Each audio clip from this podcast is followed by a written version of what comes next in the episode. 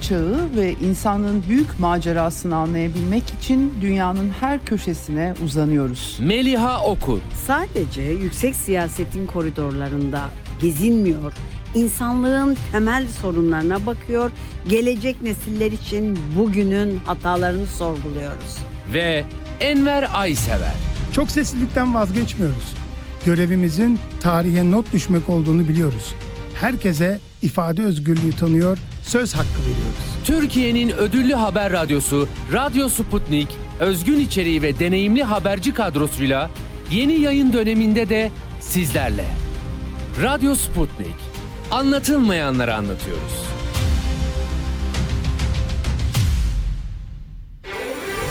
Sputnik Türkiye artık dünyanın en çok kullanılan sosyal ağlarından biri olan Telegram'da.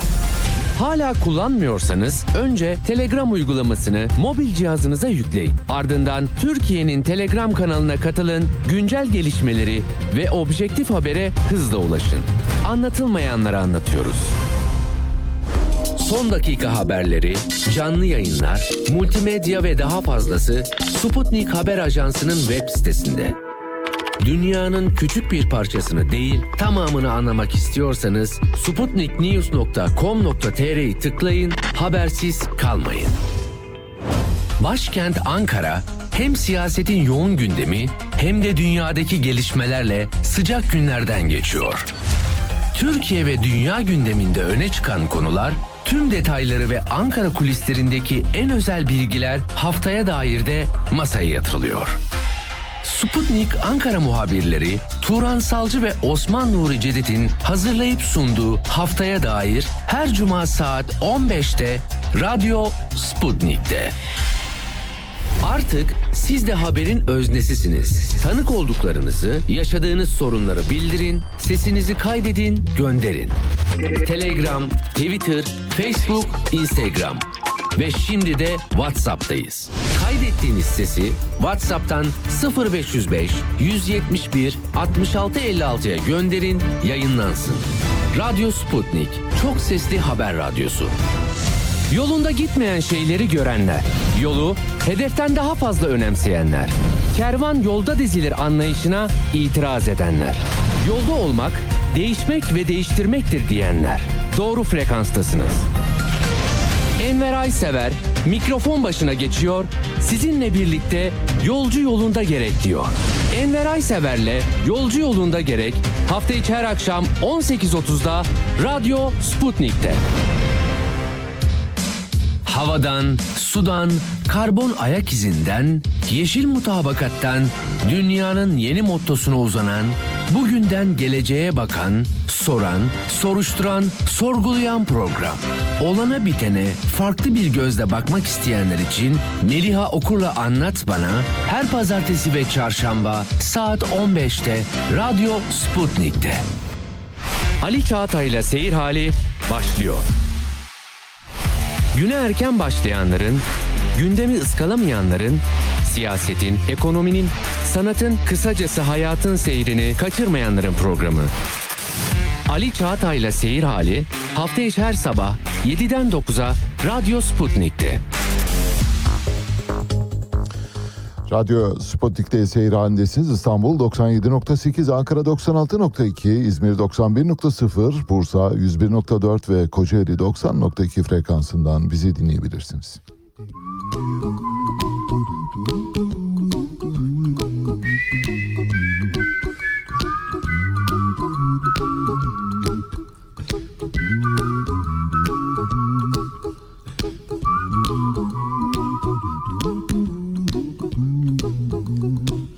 Little song I wrote. You might want to sing it note for note. Don't worry. Be happy. In every life we have some trouble. But when you worry, you make it double. Don't worry. Be happy. Don't worry. Be happy now.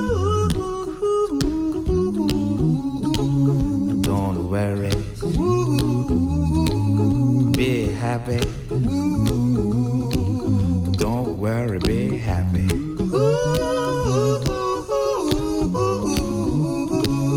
Don't worry. Be happy. Don't worry, be happy. Ain't got no place to lay your head. Somebody came and took your bed.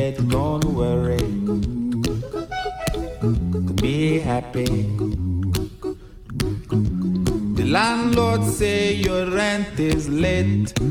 He may have to litigate. But Don't worry. Be happy. Look at me, I'm happy.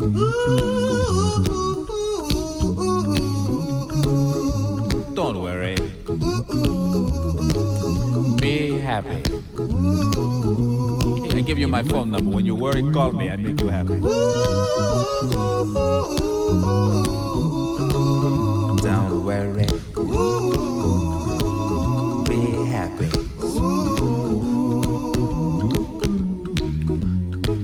Ain't got no cash, ain't got no style, ain't got no gal to make you smile, but don't worry. Be happy.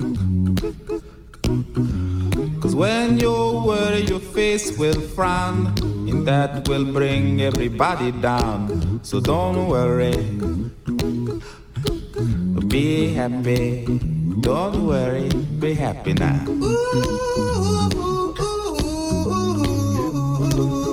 Don't worry. Be happy. Don't worry, be happy. 1988 yılından beri dünyayı sallayan parçayla başladık. Bobby McFerrin, Don't Worry Be Happy diyor. Dünyanın gerçekten umuda doğru yolculuk yapması için açılan bir yelkenli gibiydi, gibi kendisi. Bobby McFerrin aslında improvize, e, doğaçlama ya da irticalen şarkılar söylemeyi bilen ve bunu geliştiren az sayıda insandan bir tanesi hatta en iyilerinden biri öyle söyleyebiliriz. Biraz önce şu anda dinlemekte olduğunuz parça dünyada büyük bir salgın haline geldi.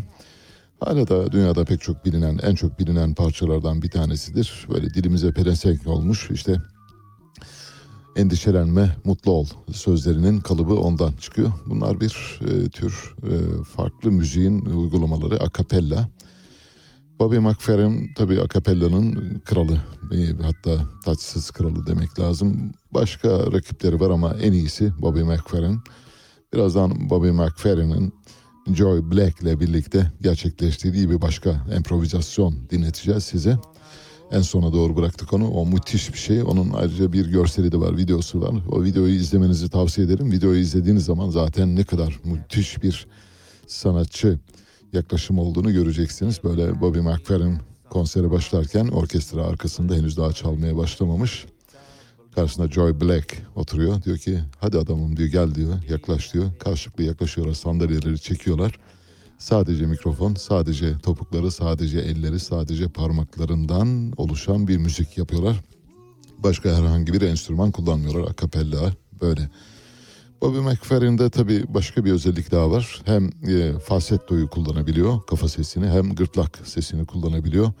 Pek çok sesi kullanıyor. Hatta ben bir parçasında bu en son vereceğimiz, en son dinleteceğimiz parçada Joy Black'le birlikte söylediği parçada mikrofonu trakeya yaklaştırıyor. Yani elmacık kemiğinin üzerine yaklaştırıyor ve oradan böyle çok tuhaf sesler çıkarıyor. Dehşetle izliyorsunuz. Her şeyden ses çıkarabiliyor. Olağanüstü bir sanatçı. Bobby McFerrin tam adıyla Robert Kate McFerrin Jr. diye geçiyor. 1950 doğumlu 73 yaşında kendisi ama delikanlı gibi böyle tığ gibi bir delikanlı. Amerikalı folk ve caz şarkıcısı. Şu anda dinlemekte olduğunuz Don't Worry Be Happy 1988'de Amerika'da bir numara oldu. 1989'da Grammy ödüllerini kazandı ve yılın şarkısı seçildi. Ayrıca yılın rekor satan e, albümü haline geldi. Bir müzisyen anne babadan doğdu Bobby McFerrin. E, babası bir baritondu Robert McFerrin. Annesi de bir- bir şarkıcıydı Sarah e, McFerrin ya da Sarah Cooper.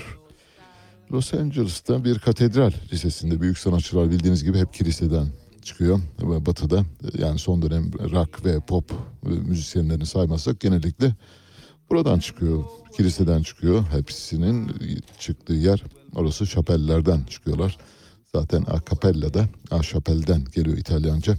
Şapelvari, şapelde söylenen anlamına geliyor.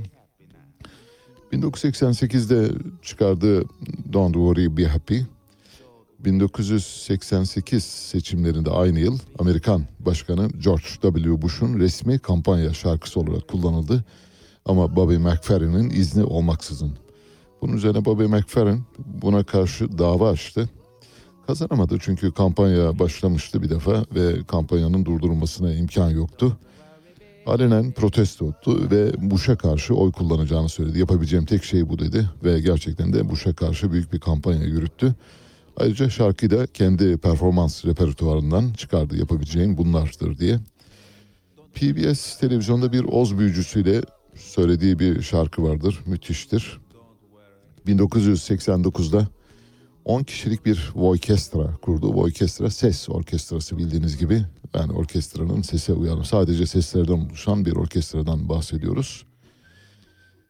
Hakkında çok sayıda kez, ya çok kez e, Bobby McFerrin öldü mü? Bobby McFerrin hayatını kaybettiği gibi haberler yapılmaya başlandı. Bizdeki Çaycı Hüseyin öldü ya da Teoman müziği bıraktı şeyleri gibi yaklaşımları gibi ironik yaklaşımları gibi ama bu oradaki Bobby McFerrin öldü haberinin yayılma sebebi şarkısının çok umut veren bir şarkı olması hasebiyle ona yönelik bir gönderme yapıldığı için bu tür şeyler çıkarılıyor. Her seferinde de çıkıp hayır ben yaşıyorum demek zorunda kalıyor maalesef. İsrail Filarmoni Orkestrası'nda konuk şef olarak çalıştı. Philadelphia Orkestrası'nda keza. Los Angeles Filarmoni yönetti. Londra Filarmoni Orkestrası'nın konuk şefiydi bir dönem. Viyana Filarmoni Orkestrası'nda keza konuk şef olarak görev aldı. Bobby McFerrin'in e, üç tane oğlu var. Bir tanesi Tyler, Tyler müzisyen. E, öteki Madison, e, o da müzisyen. Bir tanesi de aktör Jevan McFerrin. Üç oğluyla ve geniş bir ailesiyle birlikte yaşıyor. Polifonik efektler yaratmak için genellikle model ve falsetto arasında geçiş yapıyor. Hem ağzıyla hem de göğsüne vurarak hem ayaklarını yere vurarak ya da e, ayaklarıyla sesler çıkararak vurmalı efektler gerçekleştiriyor. İşte biraz önce söyledim onu eğer şu son parçayı videosunu izlerseniz orada göreceksiniz. Mikrofonu trakeaya yaklaştırıyor. Elmacık kemiğinin üzerine orada olağanüstü bir ses çıkarıyor. Yani bu sesin hangi enstrümandan nasıl çıkarılabileceği konusunda büyük bir tartışma var. Bobby McFerrin'in kurduğu orkestrasının bir örneğini biz Türkiye'den yani hani yaklaşık bir örnek olarak söylemek gerekirse Masis Aram Gözbek'in biliyorsunuz bir Boğaziçi e, polifonik korosu var. Boğaziçi Caz Orkestrası. İşte Boğaziçi Caz Orkestrası bir ses orkestrası ama Bobby McFerrin'in orkestrası ondan daha farklı. Çünkü Masis Aram Gözbek'in orkestrasında sadece sesler değişik kullanılıyor. İşte bariton erkekler, e, tenorlar, bas baritonlar, e, sopranolar, mezzo sopranolar, altolar değişik yerlerde devreye girerek müzikte çeşitlendirme yaratıyor. Ancak Bobby McFerrin'in ses orkestrasında sadece insan gırtlağından çıkabilecek ve insan bedeninin kendi kendine vuruşundan çıkabilecek sesler var. Bir tür Rönesans polifonisiyle barok polifonisi arasında gidip gelen bir tarzı var. Bobby McFerrin. Evet başlıyoruz haberlerimize. Neler var? Bir defa dün oynanan bir maç vardı. Dehşetle izledik. Dehşetle tek kelimeyle söylemek gerekirse. Bursa Spor'la Ahmet Spor arasında bir maç oynandı. Ahmet Spor'un Bursa Spor'a gelişi, daha doğrusu Bursa'ya gelişinden başlayarak maçın sonuna kadar ve maç bittikten sonra, stadı terk ettikten sonra hatta Bursa'yı terk ettikten sonra da devam eden kimi istenmedik olaylar meydana geldi. Tribünlerde Ahmet Spor taraftarlarına ve Ahmet Spor futbolcularına karşı zaten Ahmet Spor taraftarı çok fazla de kimse yoktu. Onları da birkaçını dövdüler, döverek stat'tan attılar. Bir vahşet, bir vandalizm vardı. Bir futbol adına utanç verici manzara vardı maalesef. En kötüsü belki de tarihsel olarak yani bir, bir not düşmemiz gereken ayrıntı şuydu. Statta Bursa Spor tribünlerinden Ahmet Spor taraftarlarına ve futbolcularına yönelik pankartlar açıldı. Bu pankartlardan birinde Beyaz Toros fotoğrafı vardı. Birinde yeşil e, ya da eski bilinen çok bilinen adıyla Mahmut Yıldırım. Çok fazla adı var Mahmut Yıldırım'ın biliyorsunuz. Yeşil diye biliniyor. e, Mahmut Yıldırım diye biliniyor. Sakallı diye biliniyor. Ahmet Demir diye biliniyor. Meşhur e, kiralık katil ve derin devletin güçlendirdiği bir dönem 1990'lı yıllarda Güneydoğu'daki bütün faili meçhul cinayetlerin arkasındaki kişilerden biriydi. Ayrıca Ahmet ve binbaşı Ahmet Cem Ersever'in katlinde de parmağı olduğu ya da katil zanlılarından biri olduğuna dair de bazı işaretler var ancak soruşturulamadı maalesef. Bunları gösterdiler pankartlarla. Beyaz Torosları, Mahmut Yıldırım'ı ve Tarık Ümit'in fotoğraflarını gösterdiler. Bildiğiniz gibi Tarık Ümit'le e, beyaz e, yeşil arasında bir şey var, bir müsaademe var ve yeşilin e, Tarık Ümit'i ortadan kaldırdığı biliniyor. Böylesi subliminal mesajlar verilen bir şeydi ve bir futbol sahasında olmayacak her şeyin olduğunu gördük maalesef. Süleyman Soylu İçişleri Bakanı bu olayla ilgili soruşturma başlattı. Çok sayıda polisi açığa aldıklarını bildirdi. Kabul edilemez ve asla bağışlanamaz dedi. Maçı Bursaspor e, 2-1 kazandı maç sonunda ancak maç sırasında, öncesinde, sonrasında ve bütün aşamalarında bir futbol vandalizmi vardı Bursaspor tarafından icra edilen. Elbette bir grup tarafından icra ediliyor belli. Görevlendirilmiş bir grup tarafından. İçişleri Bakanı Süleyman Soylu'nun bu olayın üzerine çok hızlı biçimde gitmesinin başka bir sebebi var. Birazdan saat 8'den itibaren altılı masa dağıldım. Altılı masada ne oluyor? Altılı masa beşli mi devam edecek? Meral Akşener yeniden masaya dönecek mi? Acaba bundan sonra nasıl bir süreç işleyecek gibi eğer kafanızda soru işaretleri varsa saat 8'i bir geçe size şahane bir analiz sunmaya çalışacağım.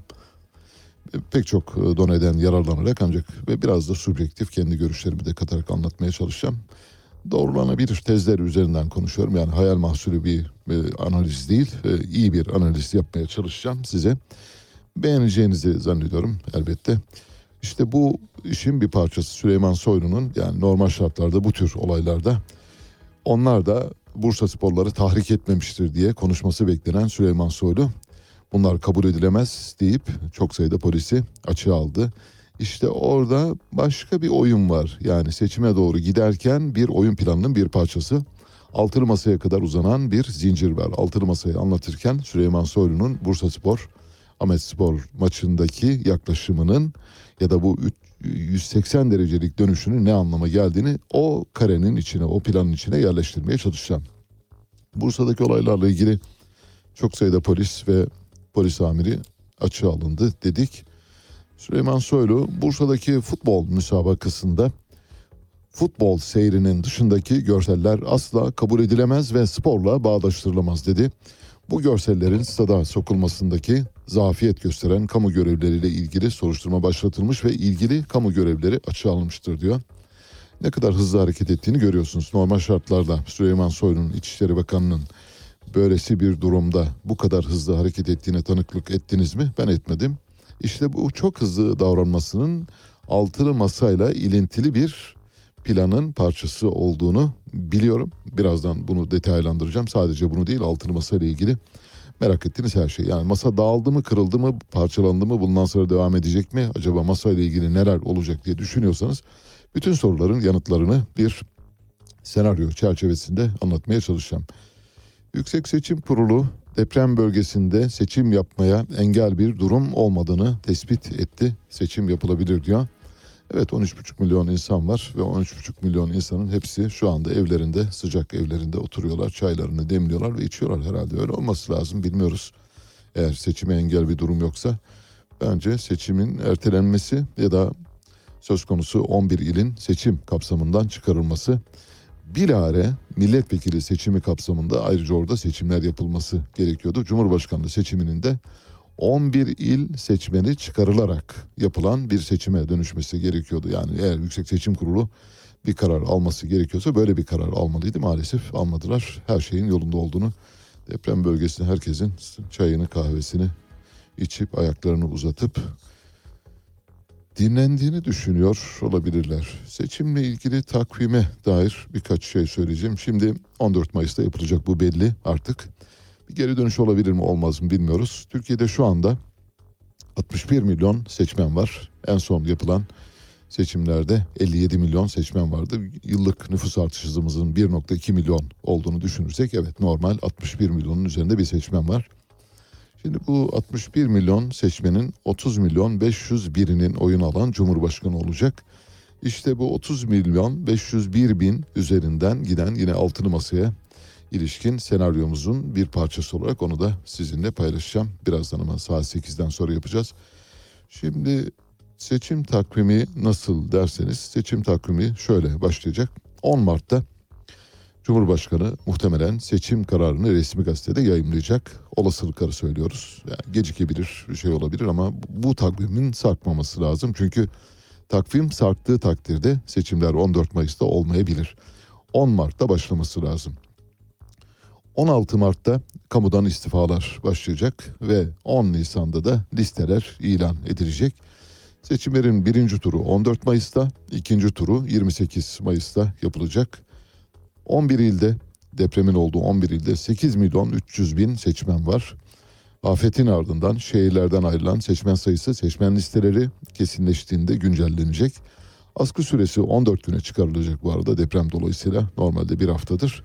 Onu 14 güne çıkararak daha uzun süre seçmen listelerini kontrol etmeleri sağlanacak. Seçmen listelerinin Nisan soyun sonu gibi kesinleşmesi bekleniyor. Cumhurbaşkanı Erdoğan'ın talimatıyla AK Parti'de bir seçim komisyonu oluşturuldu. Seçim komisyonu da çok bildik isimler var. Ali İhsan Yavuz var mesela. Hiçbir şey olmadıysa bir şey olmuştur diyen Ali İhsan Yavuz yine seçim komisyonunda. Demek ki Ali İhsan Yavuz'da bir şey var, keramet var öyle görülüyor. AK Parti'den Hayati Yazıcı yine seçim komisyonundaki isimlerden bir tanesi. Hayati Yazıcı iyi bir hukukçu. Seçim hukukunu çok iyi biliyor. Seçimlerde siyasi partilerin oy dağılımlarıyla ilgili hesapları çok iyi yapabilen, örneğin 2002 seçimlerinde AK Parti'nin %30'ların biraz üzerindeki bir oyla tek başına iktidara gelmesi gibi durumların Hayati Yazıcı ve AK Parti'ye yakın bazı hukukçuların yaklaşımıyla ortaya çıkarılmış bir durumdur. Yani Hayati Yazıcı o dönemde elbette bu yasaları yapan birisi değildi ama yasaları yapanlara yol gösterenlerden biri olduğunu biliyoruz. Mehmet Emin Akbaşoğlu AK Parti Grup Başkan Vekili o da AK Parti'nin seçim komisyonunda. Hakan Çavuşoğlu var eski bakanlardan. Türk Cumhuriyetlerinden ya da Türk devletlerinden sorumlu devlet bakanıydı hatırlarsanız bir zaman. Milliyetçi Hareket Partisi'ndeki seçim komisyonu da Fethi Yıldız, Mustafa Kalaycı, Grup Başkan Vekili Levent Bülbül ve İsmail Faruk Aksu'dan oluşuyor. Yüksek Seçim Kurulu milletvekili sayılarını son nüfus verilerine göre yeniden belirledi. Kocaeli ve Sakarya'nın milletvekili sayısı birer arttı. Tunceli ve Bayburt'un milletvekili ise birer düştü. Tunceli ve Bayburt tek milletvekili çıkaracak. Deprem bölgesindeki illerin milletvekili sayıları aynı kaldı bu arada. Bir komik ötesi durum var. Bu komik ötesi durumu şimdi muhtemelen dün akşamdan beri takip ediyorsunuz. Ersan Şen, Profesör Ersan Şen ceza hukuku uzmanı, ceza hukukçusu, avukat. Televizyonlarda canlı yayın programlarında böyle çok hararetli tartışan bir isim olarak herkes tanıyor, herkesin bildiği. Hatta Türkiye'de en çok tanınan, bilinen isimlerden bir tanesidir. Ersan Şen bir televizyon programında idi, Habertürk'te. Reklam arasında çıktı. Dedi ki Meral Akşener beni aradı ve bana Cumhurbaşkanlığı teklifinde bulundu. Ben de şerefle kabul ederim dedi. Şimdi kendi söylediği buydu ama arkasından İyi Parti'den gelen açıklamaları peş peşe aktarmaya başladığım zaman anlayacaksınız ki mesele tam da Ersan Şen'in söylediği gibi değil. Şöyle dedi program arasında yayın dönüşü, reklamdan dönüşte. İyi Parti teklif ederse aday olur musunuz diye sormuş güya Meral Akşener. O da canımız feda, kanımız feda, tereddütsüz, karşılık varsa yüce millet istiyorsa karşılıksız bırakmayız. Millet çoban ateşini yakarsa uzak durmayız demiş. Çoban ateşi nasıl bir klişe biliyorsunuz. Çoban ateşleri Kurtuluş Savaşı'ndaki Kocatepe'den Afyon Ovası'na doğru akan Türk ordusunun dizelerine İstiklal Harbi'ni yazan, Kurtuluş Savaşı destanını yazan Nazım Hikmet'in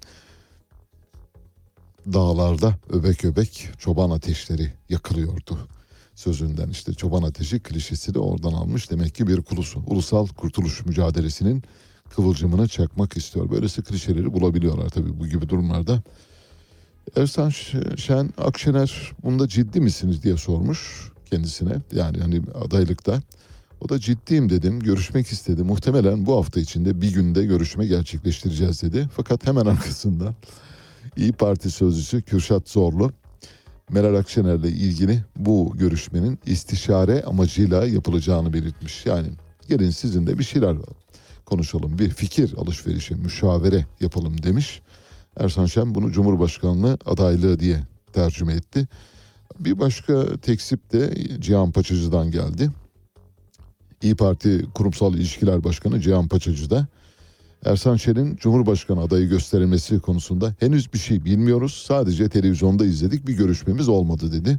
Bu arada Cihan Paçacı umumi arzu üzerine yeniden eski görevine döndü. Partiden biliyorsunuz bir gazeteye verdiği demeçte yani Kılıçdaroğlu'nun halkta karşılığı yok demişti. Bunun üzerine Kılıçdaroğlu bundan çok rahatsız olmuştu CHP ve Meral Akşener de Cihan Paçacı'dan görevden affını istemişti. Cihan Paçacı görevi bırakmıştı.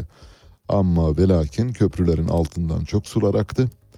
Altılı masa dağıldı, beşli masaya dönüştü. 3 Mart günü Cihan Paçacı sessiz sedasız tekrar partideki görevine döndü. Demek ki neymiş? Şey öncesi, kriz öncesi fabrika ayarlarına dönüyor İyi Parti. Cihan Paçacı'nın sessiz sedasız. Mesela siz tahmin edebilir miydiniz Cihan Paçacı'nın böylesi bir kritik durumda tekrar göreve getirilmesi? Hayır. Demek ki CHP ile köprüleri iyice atmış. Bu bu anlama geliyor. Meral Akşener eğer masaya da Kemal Bey milletin dediğini kabul ederse masaya geri dönerim dedi bu arada. Meral Akşener'in yapılan anketlerde iki belediye başkanının karşılığı benden de Kemal Bey'den de ve bütün isimlerden de çok yüksek dedim. Bu iki isim CHP'li kendi partisine mensup insanlar. Ben şu ya da bu demedim. Sen seç Kemal Bey kim olursa biz varız dedim ama Kemal Bey yine bazı gazetecilere göre güya Kemal Kılıçdaroğlu öfkelenerek hiddetli biçimde ayağa kalkarak e, bu duruma müsaade etmeyeceğini söylemiş ve yine güya gazetecilerin aktarmasına göre Temel Karamollaoğlu da demiş ki sizin bu kaprislerinizden bıktık. Böyle garip tuhaf senaryolar yazılıyor. Bütün bu haberlerin aslında iler tutar yanı yok. Ben Kemal Kılıçdaroğlu'nun böyle olağanüstü nezaketini terk edip ya da olağanüstü nezaketinden sıyrılıp üstelik de bir e, kadının karşısında bir hanımefendinin karşısında ayağa kalkıp ona yüksek sesle bağırıp çağıracağını hiç sanmıyorum. Temel Karamollaoğlu'nun da bıktık sizden falan gibi böyle hani evin e, büyük babası gibi davrandığını yine zannetmiyorum ama gazetelerde böyle şeyler yazılıp çiziliyor internet sitelerinde. Bu tür haberlere çok fazla itibar etmemenizi rica ederim. Ben sadece aktarıyorum. Yani böyle şeyler de var ama Lütfen bunlara itibar etmeyiniz demek için aktarıyorum. Sakın bu gibi durumlarda kulis çünkü havada çok şey dolaşıyor. O kadar e, serseri mayın gibi dolaşan bilgi var ki bunların hangilerinin doğru hangilerinin yanlış olduğunu anlamak bir hayli zor. Ancak şu iki unsurun ben asla olmadığını düşünüyorum. Yani farklı bir şekilde cereyan etmiştir. Örneğin Kemal Kılıçdaroğlu yerinden kalkmadan böyle kibarca ama Meral Hanım bu böyle yürümez. Bunu nasıl yürüteceğiz şimdi? Siz böyle ayak direrseniz bunu yürütmemiz imkansız. Bakın beş kişiyiz. Beşimiz benim adaylığımda uzlaşmış durumda. Bir tek siz ayrı baş çekiyorsunuz. Dolayısıyla sizin ayrı baş çekmeniz bu masayla aslında birlikte hareket etmeyeceğinizi gösteriyor gibi bir şey söylemiş olabilir. Bilemiyorum. Mealen söylüyorum. Temel Karamollaoğlu'nun da orada bir müdahalede bulunabileceğini düşünebiliyorum ama böyle hani sizden bıktık falan gibi bir ibare kullandığını hiç sanmıyorum. Ama yazılıp çiziliyor işte bu propaganda basını şu anda fena halde çalışıyor. İyi Parti yöneticilerinden Ümit Dikbayır'da Ersan Şen'le olan görüşme konusunda şöyle dedi. Sayın Akşener'in Ersan Şen'i aramasının amacı teklif değil, teşekkürdür. Ersan Bey güzel şeyler söyledi. Genel Başkanımız teşekkür etti. Bu sadece bir teşekkürdü. Biz bugün bütün çalışmalarımızı büyük bir ciddiyetle yaparız. Sayın Şen tabii ki de aday olabilir. Milletin takdiridir fakat dün sadece teşekkür etmek için arandı. Nasıl?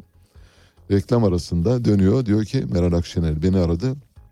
Ersan Bey ciddiyseniz sizi aday göstermek istiyoruz diyor. Hani böyle kuyruklu yalan olur. Yani bu kadar olur. Hani kuyruğu çok uzun yalanlar vardır ya bu onlardan bir tanesi. Bakın şu ana kadar partinin 3 yetkilisi İyi Parti'nin 3 yetkilisinin de böyle bir şey olmadı. Bu bir müzakere sürecidir. Meral Hanım teşekkür etmek için aradı. Kendisi İyi Parti ile ilgili olumlu şeyler söyledi. Bu yüzdendir dediği halde Ersan Şen kendi kendine ne yapmış? Böylesi bir plan kurmuş. Hemen o arada. Şimdi Ersan Şen'i yakından tanımak isterseniz kısa birkaç cümleyle söyleyelim. Bir defa kendisi 17-25 Aralık soruşturmaları sırasında Halkbank Genel Müdürü olan Süleyman Aslan'ın evinde çıkan ayakkabı kutularında çıkan 4,5 milyon doları bu para bu adama aittir ve İmam Hatip yapmak üzere biriktirmiştir diye savunan avukat Ersan Şen'dir. Dolayısıyla ayakkabı kutularında çıkan rüşvetleri hayır onlar İmam Hatipler için okul yaptırmak için toplanmış bağışlardır diyerek savunan ve bu arada Süleyman e, Aslan'ı neredeyse böyle tereyağından kıl çeker gibi aradan çıkaran kişi Profesör Ersan Şen. Başka? Deniz Feneri davasının sanıklarının avukatıdır. Deniz Feneri davası sanıklarının yine tereyağından kıl çeker gibi meseleden uzaklaştırmasını gerçekleştiren avukat da yine Ersan Şen'dir. Deniz Feneri bildiğiniz gibi Türk sivil toplum tarihinde Türk yardım teşkilatları tarihindeki en büyük yolsuzluktur. Ucu Avrupalara, Almanyalara kadar uzanan ve AK Parti'nin o dönem kurmaylarının ve o dönemin Rütük Başkanı'nın da adının karıştığı bir e, yolsuzluk skandalıydı. Dolayısıyla bunu da e, temize çıkaran yine Ersan Şen. Başka mafya lideri e, Zelko Boyan için avukatı ayrıca. Daha böyle çok sayıda e, avukatlığını yaptığı dava var. Bunların e, yersiz olduğunu düşünmüyorum. Yani hani bu bunlar bir avukat yapabilir elbette. Ancak bunları yapan birisi Cumhurbaşkanlığına soyunmamalı bence. Eğer hani böyle künyenizde, arka tarafta, CV'nizde, cemaziyül evvelinizde böyle bir şey varsa bence gidin avukatlığınızı yapın. Avukatlık yapmak e, çok doğal bir haktır. Herkesi savunmak, herkesin savunma hakkı vardır. Savunma hakkı kutsaldır. Herkesin yani katil de olabilir, e, kitlesel bir e, katliama da imza atmış olabilir. Herkes son sözünü söylemek zorunda. Onların da bir avukatı olacak. Dolayısıyla o da onların avukatı. Ama bakıyorsunuz hep böyle Ersan Şen netameli davaların avukatı. Bu davalar da tabii çok büyük paralar konuşuyor bildiğiniz gibi. Biraz onlara bağlı olduğunu düşünüyorum ben. Avrupa İmar ve Kalkınma Bankası deprem sonrası yeniden inşa etmenin maliyeti 100 milyar dolar diyor. Türkiye'nin gayri safi hasılası son açıklanan yani son açıklanan 2022 verilerine göre bildiğiniz gibi 900 milyar doların biraz üzerinde. Dolayısıyla Türkiye'nin 9'da biri gayri safi hasılasının 9'da biri kadar bir paraya ihtiyaç olduğunu söylüyor EBRD. EBRD yetkilisi bölgede tekrar altyapıyı kurmak için belediyelerle ortak çalışacağız. Çalışmak için önceliğimiz deprem bölgesi olacak. Orada işleri yeniden hayata geçirebilmek için yardımcı olacağız. Mentor desteği vereceğiz. 2 milyar dolarlık bir portföyü o bölgeye aktarmış durumdayız diyor. Bir küçük haber daha vereceğim. Önemli haber. Ondan sonra gazetelere geçeceğiz. Bu arada programımız boyunca telefon bağlantımızı, telefon bağlantımızı da söyleyelim. Milli Gazete Genel Yayın Yönetmeni Mustafa Kurdaş'la konuşacağız. Mustafa Kurdaş bildiğiniz gibi Saadet Partisi'nin yayın organı Milli Gazete'nin başında. Dolayısıyla altılı masayı çok yakından takip eden bir gazeteci. İki buçuk yıl içinde üç, iki ya da üç kez, iki kez yayın aldık kendisini. Bu üçüncü kez olacak. Bu meseleyi en iyi bilen gazetecilerden biri olduğunu tahmin ediyoruz. Ben Deniz e, Temel Karamollaoğlu'na da bir mesaj gönderdim. Bu konuyla ilgili konuşmak isterse diye radyomuz açık dedik. Temel Bey'le de Temel Karamollaoğlu'yla da daha önce bir yayın yapmıştık. Kendisine bizzat şeyi de söyledim. Yani tuzak soru yok, art niyet yok. Sadece ne olup bittiğini bize 15 dakikada anlatmanızı rica ediyorum dedim. Mesajı okudu bana dönmedi. Bakalım ama bugün Mustafa Kurdaş'la konuşacağız. Belki yarın öbür gün tabii Temel Karamoğlu e, öyle her gazetecinin telefonuna dönmez. İşi var, gücü var yani çok yoğunlar, çok doğaldır. Yani dönmemesini bir şeyle bir e, kinayeyle ya da bir sistemle anlatmıyorum. Sakın öyle düşünmeyin. Sadece dönmediğini belirtmek için yani girişimde bulunduk ama olmadı. Yani bugün size çok farklı bir söyleşi sunabilirdik. Dolayısıyla birinci ağızdan olacaktı ama olmadı. İstanbul'un su alarmı giderek artık dayanılmaz noktalara doğru geliyor. İstanbul'da su seviyesi barajların iyiden iyiye düşmüş durumda. 10 barajın doluluk oranı %35'e kadar düştü.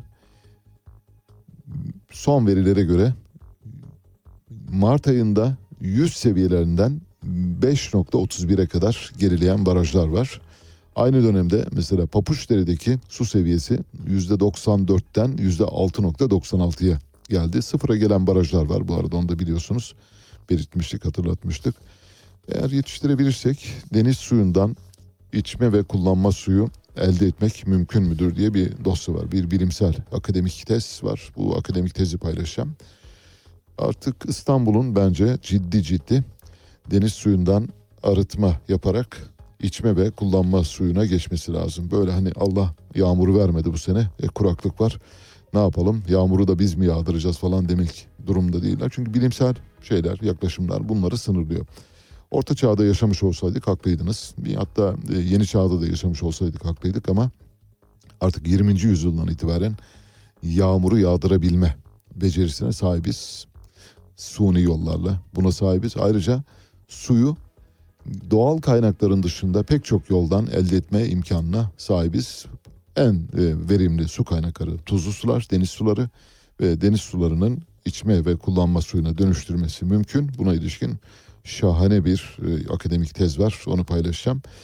Diyeceksiniz ki maliyet, maliyetini de söylüyor o makalede. Diyor ki deniz suyu tabii eğer e, kullanılan teknolojiye bağlı birçok teknoloji kullanılıyor. Ters ozmoz teknolojisi kullanılıyor. Ayrıca damıtma teknolojisi kullanılıyor. Bu teknolojiye bağlı olarak 1 metreküp deniz suyu 50 sente kadar inebiliyor. 50 sentlik bir maliyeti olabiliyor. 50 sent katlanılabilir bir maliyet. Zaten şu anda İstanbul'daki su aşağı yukarı 1 dolar seviyesinde. O yüzden tabii bu belediyenin satış fiyatı bir de belediye maliyeti var. Benim sözünü ettiğim belediye maliyeti 50 sentle 1 dolar arasında. Bu katlanılabilir bir maliyet mi? Evet su her şeydir çünkü su deyince her şeyin durması lazım. Hani su deyince akan sular durur. Bu yüzden orada maliyet hesabı dahi yapılmaz.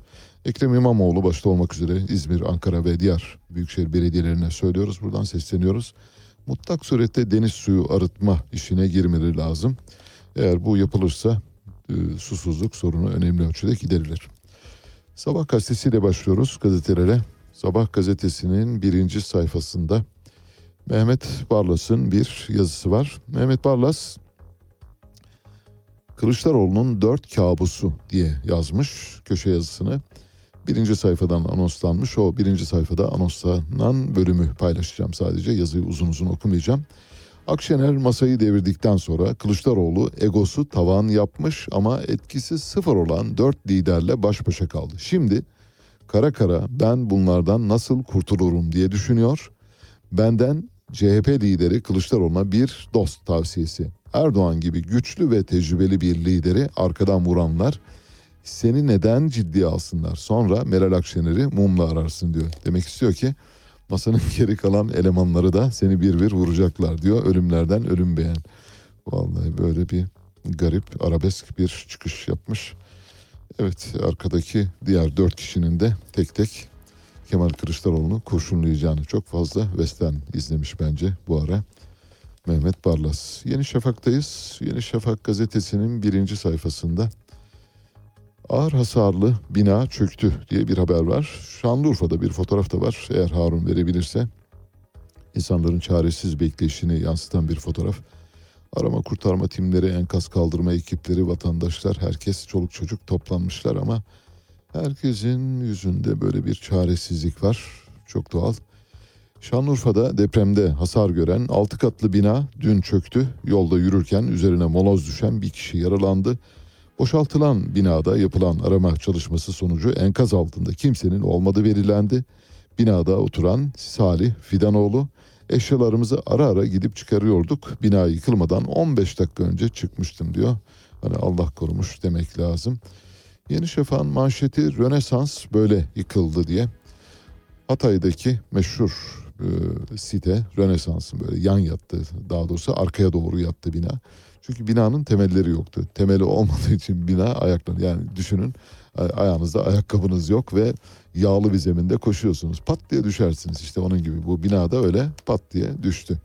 E, temelini doğru kazmış olsaydı, fore kazıklar üzerine oturtmuş olsalardı ya da jeolojik etütleri zamanında ve doğru yapılmış olsaydı muhtemelen bu bina çökmemiş olacaktı. Çünkü arkada Rönesans bloklarının hemen arkasında iki tane böyle sapasağlam bina var. Taş gibi duruyor onlar. Onlara hiçbir şey olmamış ama Rönesans'ın üç bloğu böyle yatmışlar. Tıpkı secdeye varır gibi varmışlar. Hatay'daki yıkımın simgelerinden biri enkazında yüzlerce kişinin hayatını kaybettiği 250 daireli Rönesans rezi- rezidanstı. İnşaat mühendisi, mimar, jeoloji mühendisi ve teknikerlerden oluşan bilirkişi heyeti yıkımın nedenleriyle ilgili ilk raporlarını tamamladı. Rapora göre binaların taşıyıcı sistemi olan kiriş ve kolonlar depremdeki görevlerini yapmadı. Kiriş ve kolonların birleşim noktaları patladı. Binanın yıkılmayan garaj ve zeminindeki kolonlarda dayanıklı olan prekast yani buhar kürlü beton kullanılmıştı. Ancak üst katlardaki beton düşük kalitedeydi. Kolonda segregasyon tespit edilmişti. Demirle beton ayrıldı ve arada boşluklar oluştu. Bu beton dökümünün hatalı yapıldığını gösteriyor. Demir filizlerini saran dikdörtgen şeklindeki demir olan etriyelerin aralıkları eşit değildi ve kiriş kolon birleşim noktalarındaki iki etriyenin sayısı yetersizdi. Bu nedenle kolon ve kirişler deformasyona uğradı. Evet bir mühendis elinden çıkmış bir yazı. Teknik deyimleri aynen yazıya aktarmışlar. Şimdi birazdan çok kısa bir ara vereceğiz. Bir gün gazetesindeyiz. Bir gün gazetesinin birinci sayfasından üç tane haberi paylaşacağım sizinle. Veteriner ölünce tüm sobaları toplamışlar. Şöyle yaşanan plansızlık afet bölgelerinde büyük bir barınma krizine yol açtı. Çok sayıda depremzede çadır ya da konteynere ulaşamazken çadıra ulaşabilenler de ısınma sorunuyla karşı karşıya. Maraş'ta da bir veteriner hekimin çadırına kurduğu sobadan zehirlenerek öldüğü ortaya çıktı. Veteriner hekimin eşi Kerime Gören, eşimin ölümünden sonra dağıttıkları tüm sobalar toplandı. Şimdi kusur sobada mı yoksa yakma yönteminde mi? Bütün sobaları topladıklarına göre kusur nerede? Sobada. Demek ki oraya bir tane böyle işte abi biz de bir soba gönderelim çok iyi yanıyor dedikleri bir soba. Muhtemelen gaz kaçırıyor. Dolayısıyla e, bütün e, karbondioksitin, karbon monoksitin içeriye dolmasına sebep olmuş ve veteriner zehirlenmiş bütün sobaları. Böylece o sorunu çözdüler. Sobaları toplatarak insanları soğuğa mahkum edip yani mesela soğuktan ölebilirsiniz ama lütfen sizin boğularak e, gazdan ölmenizi istemiyoruz. Gerçekten. Nereden peki bu emir? E, Vali Bey söyledi. Vali Bey ile konuştuk. Dediler ki sobaları toplayalım insanlar bak gazdan ölüyorlar. Soğuktan e, Vali Bey hava soğuk olsun. Önemli değil yani. Sorun yok. E, o önemli değil ama şimdi bu soba olunca kusur oluyor biliyorsun. Soğuk kendiliğinden Allah'ın verdiği bir şey. Yani Allah verdi aldı oluyor. Ama şey olunca olmuyor. Yani sobadan bak gördünüz mü adam öldü. Şimdi bunun hesabını kim verecek? E, soğuktan peki Vali Bey o, önemli değil. Önemli değil. Ölebilirler. Soğuktan, açlıktan, e, salgından bunlar değil ama şeyden ölme. Teknik sebeplerle ölmesinler. İ- İroni yapıyoruz ama yani hakikaten korkunç bir korkunç bir ülkedeyiz yani tek yani bu depremle ortaya çıkan durum bizim gerçek mayamızı, gerçek kimliğimizi de ortaya koydu. Yani biz neydik hani neden böyle olduk diyoruz ya biz buyduk. Size söyleyeyim. Hiç farklı değildi. Biz buyduk derken toplumun 85 milyonu 85 milyonu da kapsayarak söylemiyorum. İyiler var. iyi olmaya çalışanlar var. Arada bir iyi olanlar var. Ve sürekli kötü olanlar var. İşte o çok kötü olanlar şu anda toplumun dinamiklerini ellerinde tutuyorlar. İran'da kadınlar artık meydanlara inmiş durumda. Biliyorsun 8 Mart Dünya Kadınlar Günü geliyor ve 8 Mart öncesi İran'da da bir hareketlilik var. Bir gün gazetesinin birinci sayfasındaki İran haberi şöyle. Kuroş Zibari'nin imzasını taşıyor. İranlı bir muhabirleri var bir günün. İran'da rejim halen ülkeyi yönetiyor. İran'ın sokaklarında ise özgürlük rüzgarları esiyor. Yolda yürürken başını örtmemiş kadınlar görmek mümkün. Zorunlu türban uygulamasının dini kaygılarla hiçbir ilgisi olmadığı kanısına varan topluma propaganda satmaksa mümkün değil diyor. Bir köşe yazısı aslında e, Kuroş Zibari'den, Kuroş Zibari'nin kalem aldığı bir köşe yazısını bir gün gazetesi haberleştirmiş. Son bir haber bir günden ondan sonra küçücük bir ara vereceğiz. İstanbul'da kadınlar 8 Mart öncesi Kadıköy'de bir araya geldi. Yüzlerce kadın hesap soracak, yeniyi kuracak gücümüz var pankartı açtı. Depremde binlerce insanın enkaz altında kalmasına tepki gösterilen eylemde hükümet istifa sloganları atıldı. Kadınlar biz biat etmedik, hayatımızı yok sayanlara karşı tek güvencemiz, mücadelemiz şiddetin olmadığı eşit ve özgür yaşamı biz kuracağız, yaşamlarımızı savunacağız açıklaması yaptı. Öte yandan kadın cinayetlerini durduracağız platformu Ankara'da açıklama yapmak istedi ancak polis kadınları gözaltına aldı. Kadınlar hükümet istifa sloganları attı. Ben Ali Çağatay, Radyo Sputnik'te seyir halindesiniz. Müthiş bir Kuzuların Sessizliği filmi oynanıyor şu anda maalesef kimsenin sesini çıkarmadığını görüyoruz. Bu devletin kadim devlet, bani devlet, baba devlet olması ilkesiyle bağdaşmıyor. Habercilik, birilerinin verilmesini istemediği olayları açıklamak ve kamuoyuyla paylaşmaktır. Bu kapsamın dışında kalan olayları vermek habercilik değil, halkla ilişkiler faaliyetidir. George Orwell Ali Çağatay ile Seyir Hali hafta içi her sabah 7 ile 9 arasında Radyo Sputnik'te.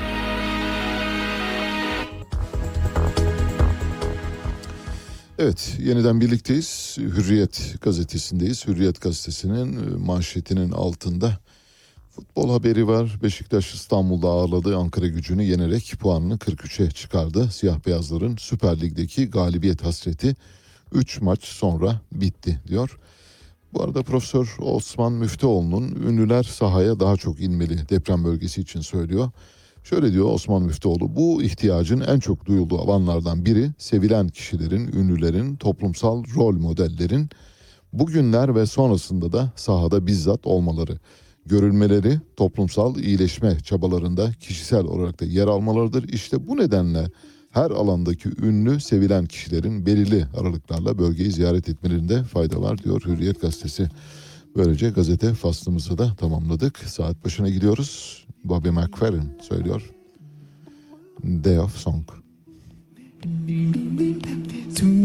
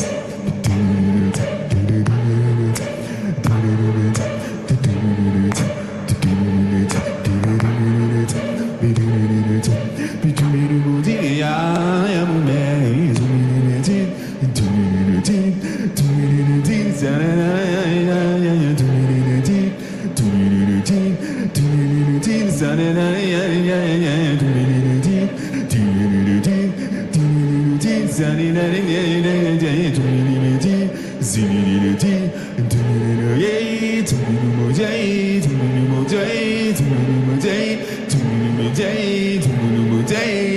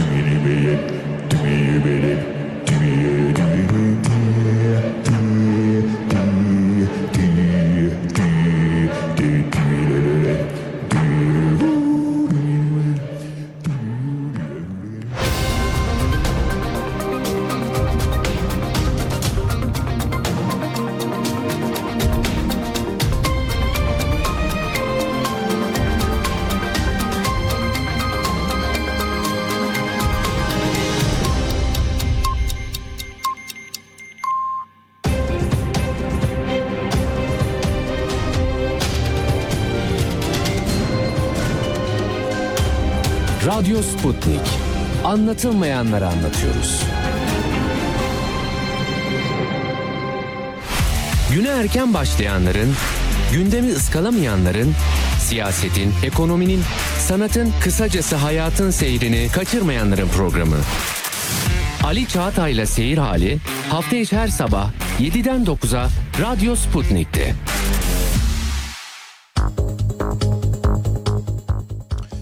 Evet, yeniden birlikteyiz. Ee, Size Bobby McFerrin'dan parçalar seçtik. Bobby McFerrin, a cappella yapan bir müzisyen. Bu biraz önce dinlediğiniz parçadaki seslerin e, çok önemli bölümünü tek başına kendi bütün bedeniyle ve gırtlağından çıkarıyor. Arkada da bir orkestrası var. Ondan da gelen sesler var. Ama son parça çok muhteşem. Eğer onu Harun halledebilirse onu size görsel olarak da izletmek istiyoruz. Yani Telegram üzerinden izleyenler için görsel şölen çünkü onu ancak böyle video olarak izlediğiniz zaman ne kadar doyumsuz bir şey olduğunu anlayacaksınız. Orada bir improvizasyon yapıyorlar. Joe Black'le Bobby McFerrin. Her şey ama baştan sona ve sadece böyle sandalyeleri çekiyorlar. Karşı hadi gel diyor adamım karşıma diyor. Hop başlıyorlar iki tane mikrofon.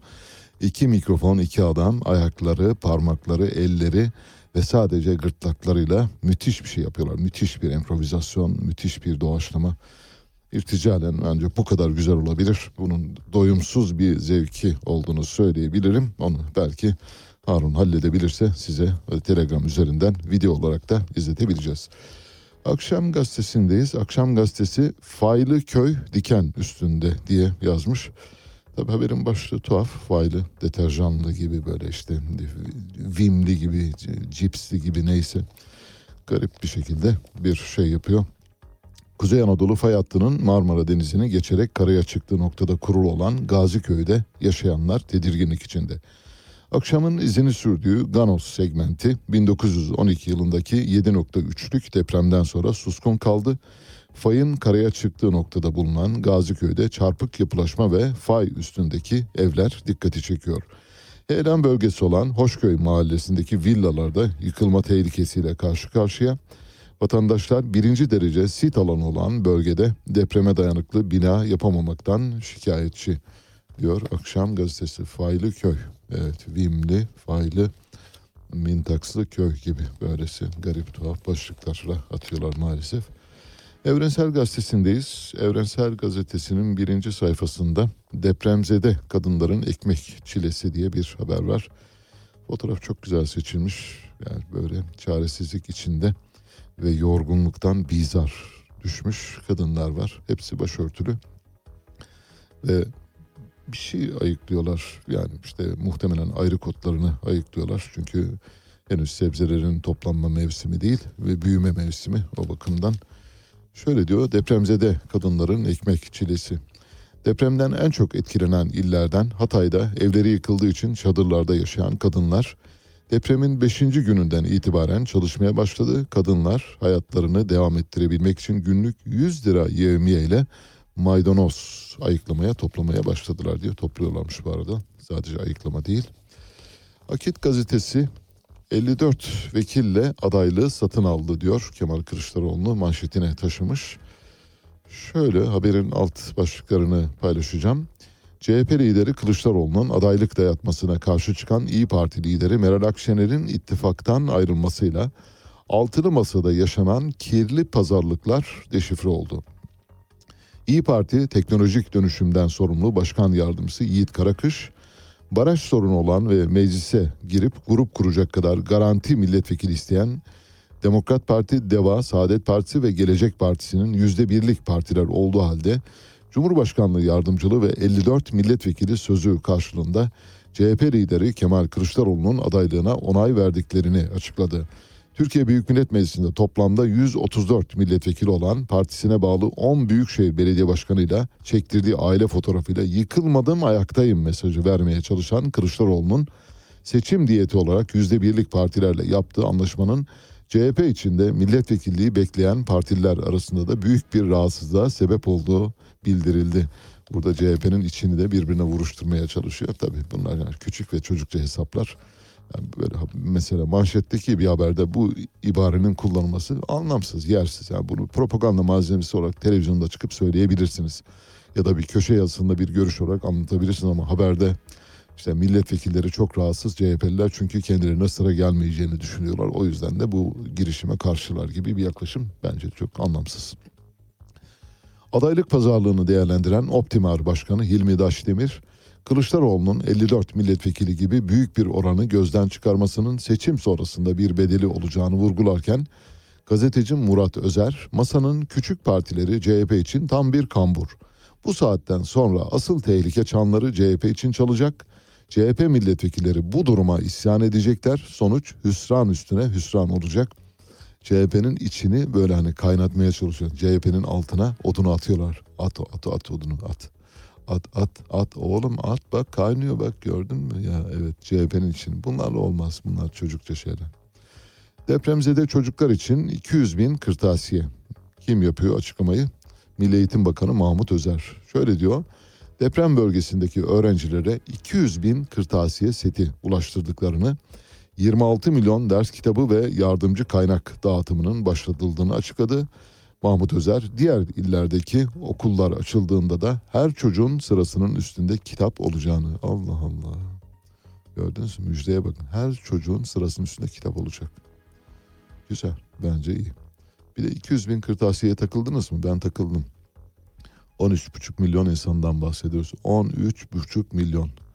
Bu 13,5 milyon insanın herhalde bir nereden bakarsanız bakın 4,5-5 milyonu öğrencidir. Gönderilen kırtasiye sayısı ne? 200 bin.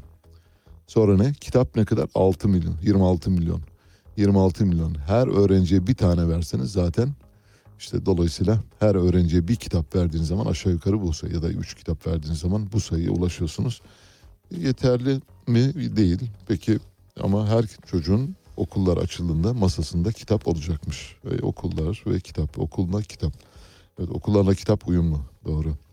Cumhuriyet'teyiz. Cumhuriyet Gazetesi birinci sayfasında eski ekonomi bakanlarından Ufuk Söylemez'le bir mülakat yapmış. Şöyle diyor Ufuk Söylemez. B planı yoksa siyasi intihardır. Eski bakan Söylemez İyi Parti'nin çıkışında bir B planı olması gerektiğini belirtti. Söylemez aksi takdirde kendileri açısından siyasi bir intihar olur dedi. Söylemez Akşener'in çağrı yaptığı iki belediye başkanının açıklamalarına ilişkinse doğru olanı yaptılar dedi. Başka ne var bakıyorum Cumhuriyet'in birinci sayfasında görebileceğimiz evet domatesin kilosu 100 lirayı bulabilir. Domatese ihraç yasağı geldi bildiğiniz gibi birkaç gün önce. Domates şu anda füze gibi gidiyor fiyatları. Ve domatesin mümkün olduğu kadar halka ulaşmasını teminen ihracat e, yasağına başvuruldu.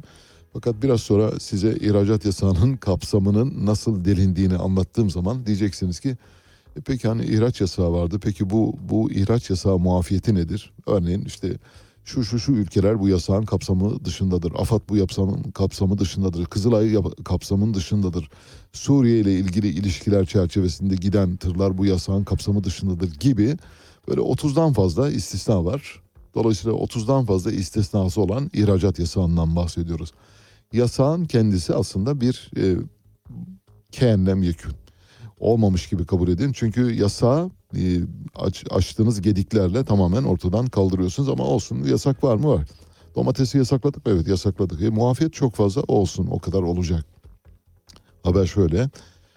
Artan gıda enflasyonuna karşı kısıtlamalarla önlem alınmaya çalışılıyor. Domates ihracatına yasak geldi. İhracatçılar üretim düşer, ithalata mahkum kalırız. Bu da fiyatları 100 liraya kadar çıkarır diyor. Şimdi bir yandan Hani derler ya kaş yaparken göz çıkarmak dedikleri budur. Yarın öbür gün dediği gibi çok doğru ben de aynı kanaatteyim. Domatesi 100 liraya yiyebiliriz. Yani böyle bir noktaya doğru gidiyor. Milliyetteyiz. Milliyet diri faya yasak var diye bir manşet haberi yapmış. TOKİ'nin proje alanlarında MTA yani maden tetkik arama uzmanlarınca diri fay hattı bulunup bulunmadığı kontrol edilecek. Fay varsa o sahaya inşaat izni yok bugüne kadar fay hatlarının çoktan belirlenmiş olması, ona göre kadastral işlemlerin yapılmış olması gerekirken iki tane büyük deprem, Erzincan depremini de sayarsak üç büyük depremden sonra Türkiye Cumhuriyeti Devleti fay hatlarını yeni baştan belirlemeye başladı. 99 depreminde yapılması gerekiyordu, yapılmadı. 2023'te şimdi yapıyoruz. Bitirebilir miyiz? Bakalım inşallah bir dahaki depreme yetiştireceğiz. Öyle gözüküyor. Şöyle diyor, Maden Tetkik Arama Kurumu ile TOKİ yeni bir uygulamayı hayata geçiriyor. Buna göre MTA'ya bağlı deprem ve diri fay hattı uzmanları yeni yerleşim alanlarının belirlenmesinde kilit rol oynayacak. MTA uzmanları diri fay hatlarıyla proje sahalarını karşılaştıracak ve bir sahaya olumsuz yanıtını verirse o sahaya asla inşaat izni verilmeyecek. Diri fay haritalaması detaylı arazi gözlemleriyle yapılıyor. Zaman içinde depremin aktivitelerinin tespit edilmesi sonucunda haritalar güncelleniyor. İkinci kapsamda Japonya ve Amerika'da hem dayanıklılık hem de çevreci özelliğiyle inşaatlarda çimentoyu güçlendirmek için kullanılan geleceğin betonu ya da yeşil beton olarak adlandırılan perlit kullanılacak. Perliti yeni keşfetmişler. Evet perlit yani neredeyse 300 yıldır 400 yıldır kullanılan yeni yeni beton perlit. Bir başka haber var önemli bence korunması gereken eserlerle ilgili. Adıyaman'da Arsemia ve Karakuş tümülüsleri yıkılmış bu arada depremden zarar görmüş. Adıyaman'da sadece binalar değil 2000 yıllık tarihi mekanlarda zarar gördü. Dünyanın 8. harikası olarak bilinen ve UNESCO tarafından Dünya Kültür Mirası listesinde yer alan devasa tanrı ve kral heykelleri dimdik ayakta kalırken Komajene Krallığı'na ait öğren yerlerinde Arsemia ve Karakuş tümülüsündeki tarihi eserler şiddetli sarsıntıya dayanamadı diye şiddetli sarsıntıya dayanamayıp yıkılan tümülüslerin fotoğrafı yok bu arada. Yani yerinde duran bir tümülüs fotoğrafı var ama dağılmış tümülüsün fotoğrafı yok. Gidememişler, çekememişler. Olabilir. Kusurlarına bakmayın artık. Son gazetemiz Milli Gazete. Ondan sonra küçük bir ara vereceğiz. Sonra seçim analizimiz var. Seçim analizini sizinle paylaşacağız. Milli Gazete adayda son adım diyor. Bildiğiniz gibi bugün Altılı Masa'nın 5 üyesi Saadet Partisi'nin önderliğinde, Saadet Partisi'nin ev sahipliğinde bir araya gelecekler. Milli Gazete'de bunu birinci sayfadan manşetine e, çekmiş. Şöyle diyor, Millet İttifakı partileri CHP, Demokrat Parti, Gelecek Partisi ve Deva Partisi genel başkanları Saadet Partisi Genel Başkanı Temel Karamollaoğlu'nun ev sahipliğinde toplanıyor. Bugün saat 14'te. Saadet Partisi Genel Merkezi'nde gerçekleşecek zirvenin ardından Millet İttifakı'nın Cumhurbaşkanı adayının yanı sıra geçiş süreci ve yol haritası da paylaşılacak. Millet İttifakı partileri Saadet Partisi Genel Başkanı Temel Karamollaoğlu'nun ev sahipliğinde bugün toplanıyor. Kamuoyunda merakla beklenen toplantı sonrası Millet İttifakı'nın Cumhurbaşkanı adayının açıklanması bekleniyor. Bugün saat 14'te bir araya gelecek liderler Millet İttifakı'nın Cumhurbaşkanı adayının yanı sıra geçiş süreci ve yol haritasını da kamuoyuyla paylaşacak. Spotla manşet aynı. Dolayısıyla böyle hani habercilik diyorlar ya işte habercilik maalesef ölü yerlerde sürünüyor. E, zaten süreç Osman Kavala'nın tutukluluğunun sürdürülmesi üzerine kurulmuş. Aynen. Bu tutukluluk devam etmesi için hukuka karşı verilen bir mücadele haline girmiş durumda. Merkez Bankası'nın son aylarda izlemiş olduğu para politikası doğrudan enflasyonda bu sıçramaya yol açtı. E, yani ve de, devamı da gelecek. ülkeyi aslında öyle yönetiyorlar ki adeta koca bir survivor oyunu gibi. Bugün için önemli olan husus Türkiye'de bu sistemin değişmesidir. Bu sistem yani Cumhurbaşkanlığı hükümet sistemi Evet. maalesef uygulama aşamasında kağıt üzerinde durduğu gibi durmadı. Ali Çağatay'la Seyir Hali hafta içi her sabah 7 ile 9 arasında Radyo Sputnik'te.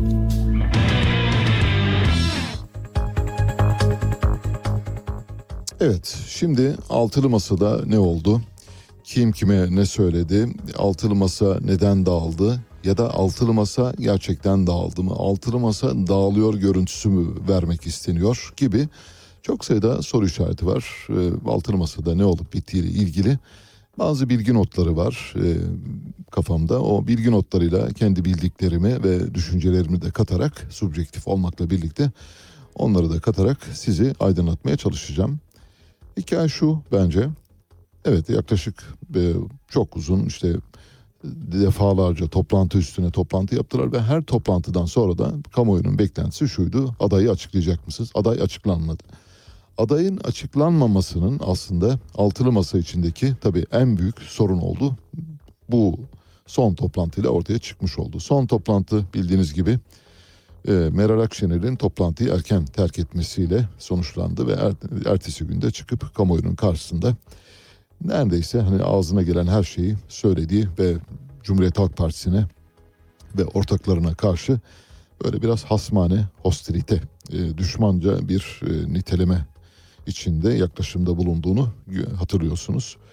Acaba kim haklı kim haksız derseniz bence haklı haksız diye meseleye bakmak yerine meselenin arka planında ne olduğuna bakalım. E, meşhur e, dedektif romanlarındaki yaklaşımla en basit yaklaşımıyla söylemek gerekirse tabi olay bu kadar basit değil onu belirtelim ama şimdi altılı masanın dağılması kimin işine yarar diye bir bakalım. Mesela altılı masanın dağılması AK Parti'nin işine yarar mı? Yarar. MHP'nin işine yarar mı? Yarar. Cumhuriyet Halk Partisi'nin işine yarar mı? Bence yarar. İyi Parti'nin işine yarar mı? Vallahi ona da yarar. Diyeceksiniz ki ya böyle de olur mu? Yani işte sen de haklısın, sen de haklısın. Nasrettin Hoca gibi herkese evet, sen de sen de haklısın. Evet öyle. Bakın şimdi altılı masa dağılmamış olsaydı seçime bir blok olarak gidilmiş olsaydı 61 milyon seçmenimiz var. Cumhurbaşkanı nasıl seçiliyor? 50 artı 1'e göre. Yani 30 milyon 501 bin 500 alıyorsunuz üstüne bir kişi daha koydunuz mu Cumhurbaşkanlığını kazanıyorsunuz. O kadar bıçak sırtı bir oylama ki yani orada 3-5 e, kişinin oyunun bu tarafa doğru kaydırılması ya da 3-5 bin oyun ya da 300-500 bin oyun bu tarafa doğru ya da bir taraftan bir tarafa doğru kaydırılmasıyla Cumhurbaşkanlığı seçimi bir tarafa doğru gider. İşte bu sebepten dolayı altılı masa şu anda bu yeknesak haliyle altılı halde seçime girmiş olsaydı ve adayın da Kemal Kılıçdaroğlu olduğunu varsayalım. Kemal Kılıçdaroğlu'nun halkta karşılığı olmadığını söylüyor Meral Akşener. Dolayısıyla bir defa seçimler birinci turda tamamlanmış olacak mıydı? Olacaktı. Ve seçimin galibinin büyük ihtimalle Cumhurbaşkanı Recep Tayyip Erdoğan olacağına dair bir kanaat var mı? Var. Zaten Meral Akşener bu kanaate sahip olmamış olsaydı altılı masayı dağıtmazdı. Yani şöyle bu seçim bizim için çantada keklik deseydi hiçbir şey önümüzde duramaz. Biz seçimi havada karada kazanırız demiş olsaydı bu kavga çıkmazdı. Demek ki şöyle bir kaygı var. Seçim birinci turunda gidebilir elimizden avuçlarımızdan ve bu seçimin galibi Cumhurbaşkanı olabilir. Parlamentoda çoğunluğu kaybedebilir o ayrı ya da parlamentodaki çoğunluğunu bugünkü gibi koruyamayabilir o ayrı onu geçtik. Başka ne var? Şimdi seçimin iki tane dinamiği var. Birincisi bu seçimin ikinci tura kalmasını sağlamak. Bunu bir kenara yazın lütfen. İki, bu seçime HDP'nin oylarını dahil etmek, HDP'yi denkleme almak. Şimdi altılı masa dağılınca bu sözünü ettiğim iki ihtimalde, iki olasılıkta, iki gerek şartta yerine gelmiş oldu. Bir, seçim bir defa ikinci tura taşınıyor kesin. Neden? Çünkü dört tane majör aday olacak. Bir tanesi Cumhurbaşkanı Recep Tayyip Erdoğan, bir tane altılı masanın adayı muhtemelen Kemal Kılıçdaroğlu, bir tane Meral Akşener'in çıkaracağı aday. Bir tanesi HDP'nin çıkaracağı aday. Etti mi dört? Dolayısıyla dört adayın yarıştığı küçük adayları saymıyorum. Hani Ümit Özdağlar, e, Muharrem İnceler falan onları saymıyorum. Çünkü sayısız çok sayıda onları saymıyorum. Onların her biri bindeler seviyesinde oy alacak ama onlar da önemli. Fakat dört majör aday, dört güçlü oyuncu, dört kare as seçime girerse bir defa seçim birinci turda tamamlanamaz. Bunu garanti etti. Şimdi altılı masanın dağılması aslında bu sonucu beraberinde getiriyor. Altılı masa dağılmamış olsaydı seçimin ilk turda sonuçlanma ihtimali vardı ve ilk turun galibinin muhtemelen Cumhurbaşkanı Recep Tayyip Erdoğan olacağına dair de aşağı yukarı kesinleşmiş bir kanaat vardı. Şimdi altılı masa dağılınca ne oldu? Seçim ikinci tura kaldı mı otomatikman? Otomatikman kalıyor. Seçimin birinci turda kazanılma ihtimali sıfır. Seçimin ikinci tura kalma ihtimali yüzde yüz. Bunu koyduk mu kenara? Bu bir. Demek ki altılı masa dağılınca altılı masanın dağılması seçimi ikinci tura taşımış. Başka ne vardı? Bir de denklemde bir HDP oyu vardı. Yani Kürt oyları diye söyleyebiliriz ama bunu tabii şey olması bakımından yani bir gönderme adrese gönderme olmaması bakımından HDP oyları diyelim. Çünkü HDP'ye Türk seçmenden de oy verenler var sol e, partilerden umudunu kesmiş olan e, diğer e, kesimlerden de oy verenler var. Bu durumda eğer Meral Akşener altılı masanın içinde kalmış olsaydı HDP'nin denkleme girmesi asla mümkün olmayacaktı. HDP'nin denklemde olmadığı bir durumda yine kim kazanıyordu? Cumhur İttifakı'nın kazanma ihtimali yüksekti. Şimdi HDP denkleme girdiğine göre Cumhur İttifakı'nın seçimi kazanma ihtimali burada da zayıfladı mı? Şimdi iki olasılığı yan yana koyalım. Bir, seçimlerin birinci turdan ikinci tura sarkması temin edilmiş oldu yüzde yüz. İki, HDP'nin oylarının denkleme girmesi ve CHP'den yana denkleme girmesi sağlanmış oldu. Dolayısıyla şu anda seçimlerin muhalefet ya da Millet İttifakı tarafından kazanılma ihtimali Cuma gününe göre daha fazla bana göre öyle düşünüyorum. Diyeceksiniz ki peki bu bilerek oynanmış bir oyun mu? Vallahi bilerek de oynanmış olsa, bilmeden de yapılmış olsa, bir yol kazası da olsa her iki şekilde de sonuç değişmiyor. Yol kazası ya da planlı bir oyunun parçası olarak denenmiş de olabilir. Bu ihtimali de göz önünde tutun lütfen. Yani bunun bir bir sahne arkasında bir e, bir kuliste e, konuşulan ve o kulisin sahneye yansıma biçimi olduğunu da düşünebiliriz. Yani oyunu birdenbire bozalım böyle yürüyelim de denmiş olabilir. Bu zayıf bir olasılık ama bu, bu olasılığı da lütfen lütfen gündeminizde tutun. Yani Millet İttifakı böylesi bir oyun planı deneyerek bir geçici yol ayrımına gelerek seçimleri ikinci tura aktarmış oldu. ve HDP ile yan yana yürümeyeceği yüzde yüz belli olan HDP ile yan yana yürüdüğü takdirde bütün siyasi e, söylemlerinden, retoriğinden vazgeçmiş olabileceği varsayılan İyi Parti böylece HDP yükünü üzerinden atmış oldu. Ben HDP ile değilim, HDP ile birlikte hareket eden kim? Cumhuriyet Halk Partisi. Şimdi Kürt oyları bu denklemde hangi tarafa ağırlığını koyarsa bundan önceki yayınlarda bahsetmiştik hatırlarsanız bu seçimin anahtarı HDP oylarında. HDP oyları terazinin hangi kefesine yüklenirse o taraf kazanacak. Son cümlemi söylüyorum. Cuma gününe göre bugün itibariyle, pazartesi itibariyle Millet İttifakı'nın seçimi kazanma şansı daha yüksektir. Millet İttifakı'nın bu hamlesi bir oyun planı olabilir, bir yol kazası olabilir hiç fark etmez ama gelinen durum şunu gösteriyor. Seçimlerin ikinci tura taşınması yüzde yüz olmuştur, yüzde yüz ihtimal haline gelmiştir. HDP'nin oylarının denkleme girmesi sağlanmıştır. Denkleme giren HDP oylarının CHP lehine girmesi sağlanacaktır. Ve bu da seçimlerin kaderinde çok büyük etkiye yol açacaktır. İşte bu sebeplerden dolayı Millet İttifakı bozulmuş haliyle masanın bir ayağı eksik olmasına rağmen bozulmuş haliyle iktidara ve Cumhurbaşkanlığı seçimine ve bu seçimleri kazanmaya daha yakındır. Ben Ali Çağatay, Radyo Sputnik'te seyir halindesiniz. Müthiş bir Kuzuların Sessizliği filmi oynanıyor şu anda maalesef. Kimsenin sesini çıkarmadığını görüyoruz. Bu devletin kadim devlet, bani devlet, baba devlet olması ilkesiyle bağdaşmıyor. Habercilik, birilerinin verilmesini istemediği olayları açıklamak ve kamuoyuyla paylaşmaktır. Bu kapsamın dışında kalan olayları vermek habercilik değil, halkla ilişkiler faaliyetidir. George Orwell Ali Çağatay'la Seyir Hali hafta içi her sabah 7 ile 9 arasında Radyo Sputnik'te.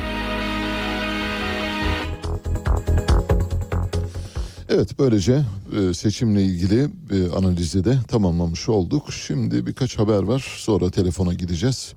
Ama sonunu kaçırmayın Harun ayarlayabilirse e, Joe Black ve Bobby McFerrin'in o muhteşem sahne performansını, improvize sahne performansını, akapellayı göreceksiniz. Baştan sona improvize. Hiçbir çalışma yok, bir ön hazırlık yok.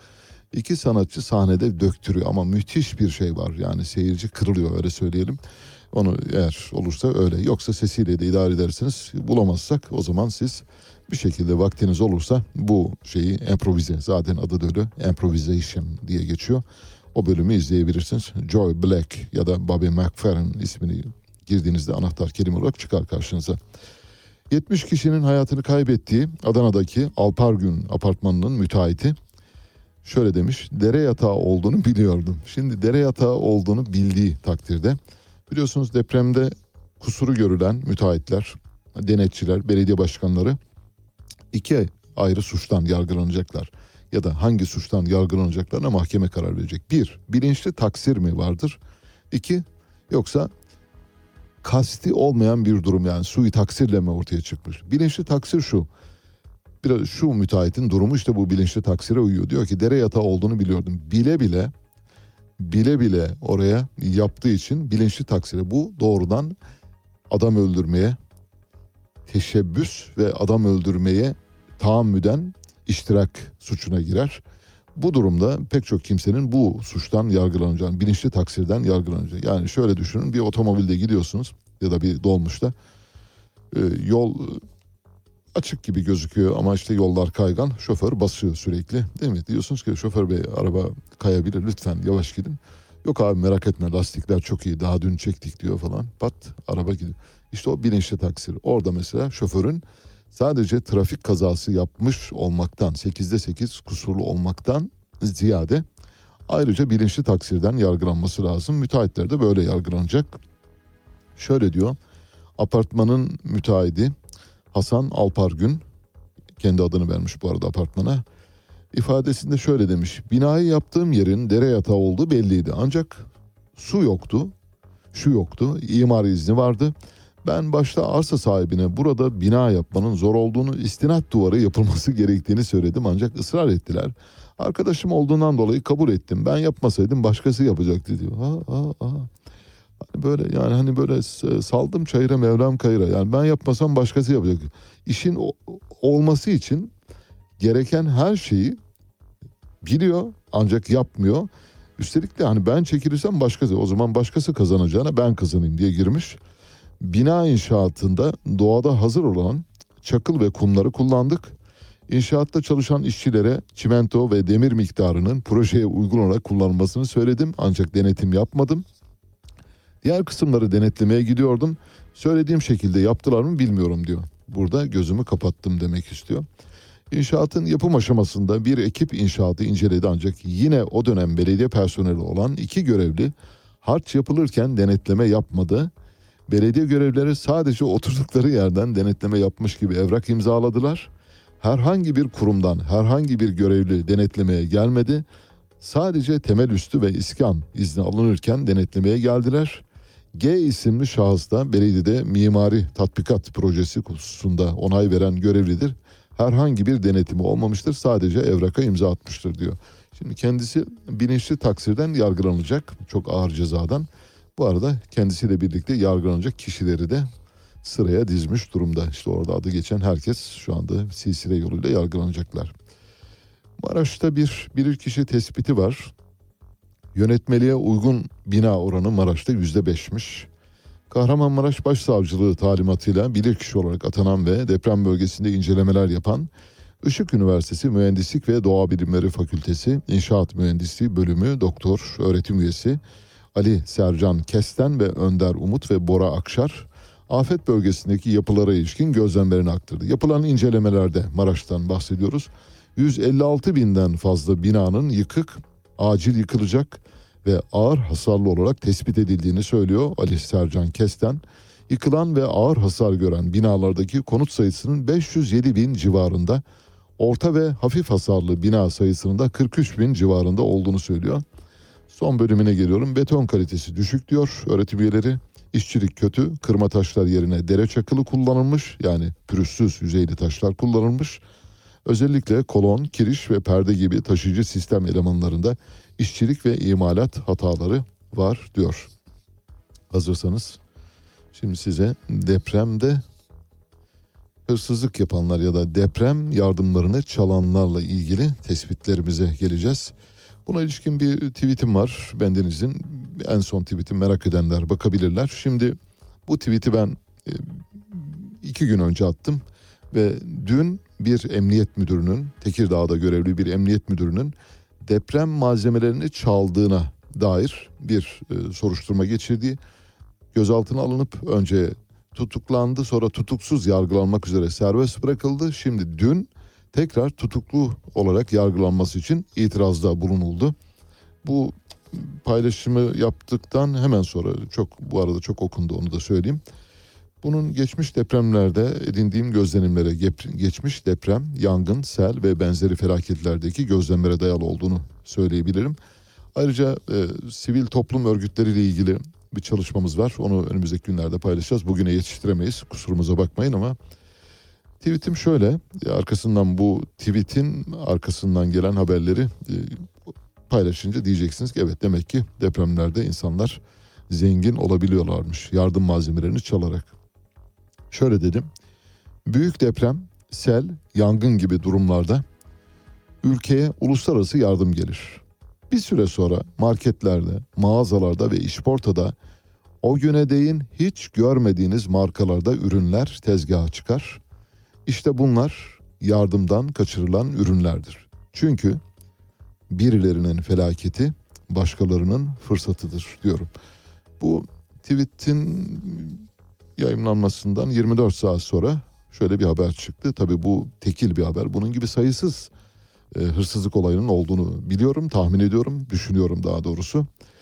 Depremin ardından Gaziantep Islahiye'de görevlendirilen Edirne İl Emniyet Müdür Yardımcısı Yadigar Işın görevi sonrası depremzedelere dağıtması gereken jeneratörden farklı büyüklükteki çadırlara kadar birçok yardım malzemesini Bayır Bucak Türkmenlerine göndermek üzere evine götürdüğü iddiaları var. Bu arada ezan susmaz, bayrak inmez falan filan gibi şeyler, muhabbetler var işin içinde. Emniyet Müdür Yardımcısının bir fotoğrafı var. bu meşhur bir el işareti vardır böyle. Onu yapmış ve bir duvara elini dayamış. Yani bir emniyet müdürünün yapmaması gereken böyle hani böyle komiklikler yapmış. Şimdi emniyet müdürü önce gözaltına alındı, tutuklandı. Arkasından serbest bırakıldı tutuksuz yargılanmak üzere. Dün akşam saatlerinde tutuksuz yargılama kararına itiraz edildi. Savunmasında da ben bunları Bayırbucak Türkmenlerine gönderiyorum diyor. Şimdi Bayırbucak Türkmenlerine yardım etmek sana mı düşmüş? Bir de sen Tekirdağ'dasın. Sen nereye? Bayırbucak Türkmenleri nerede? Bayırbucak Türkmenleri Suriye'de, sen Tekirdağ'dasın. Şimdi Tekirdağ'dan deprem bölgesindeki asayişi kontrol etmek üzere takviye olarak gönderilen emniyet müdüründen bahsediyoruz. Oradan oraya geliyor depremdeki insanları korumak üzere onların malzemelerini çalıyor evine götürüyor. Bunun gibi sayısız olay var. Adli kontrolle serbest bırakıldı sonra dediğim gibi tekrar itiraz edildi. Bu ve benzeri olayların o kadar çok olduğunu ve mesela Bingöl, Karlova, Kığ depremini hatırlıyorum ben.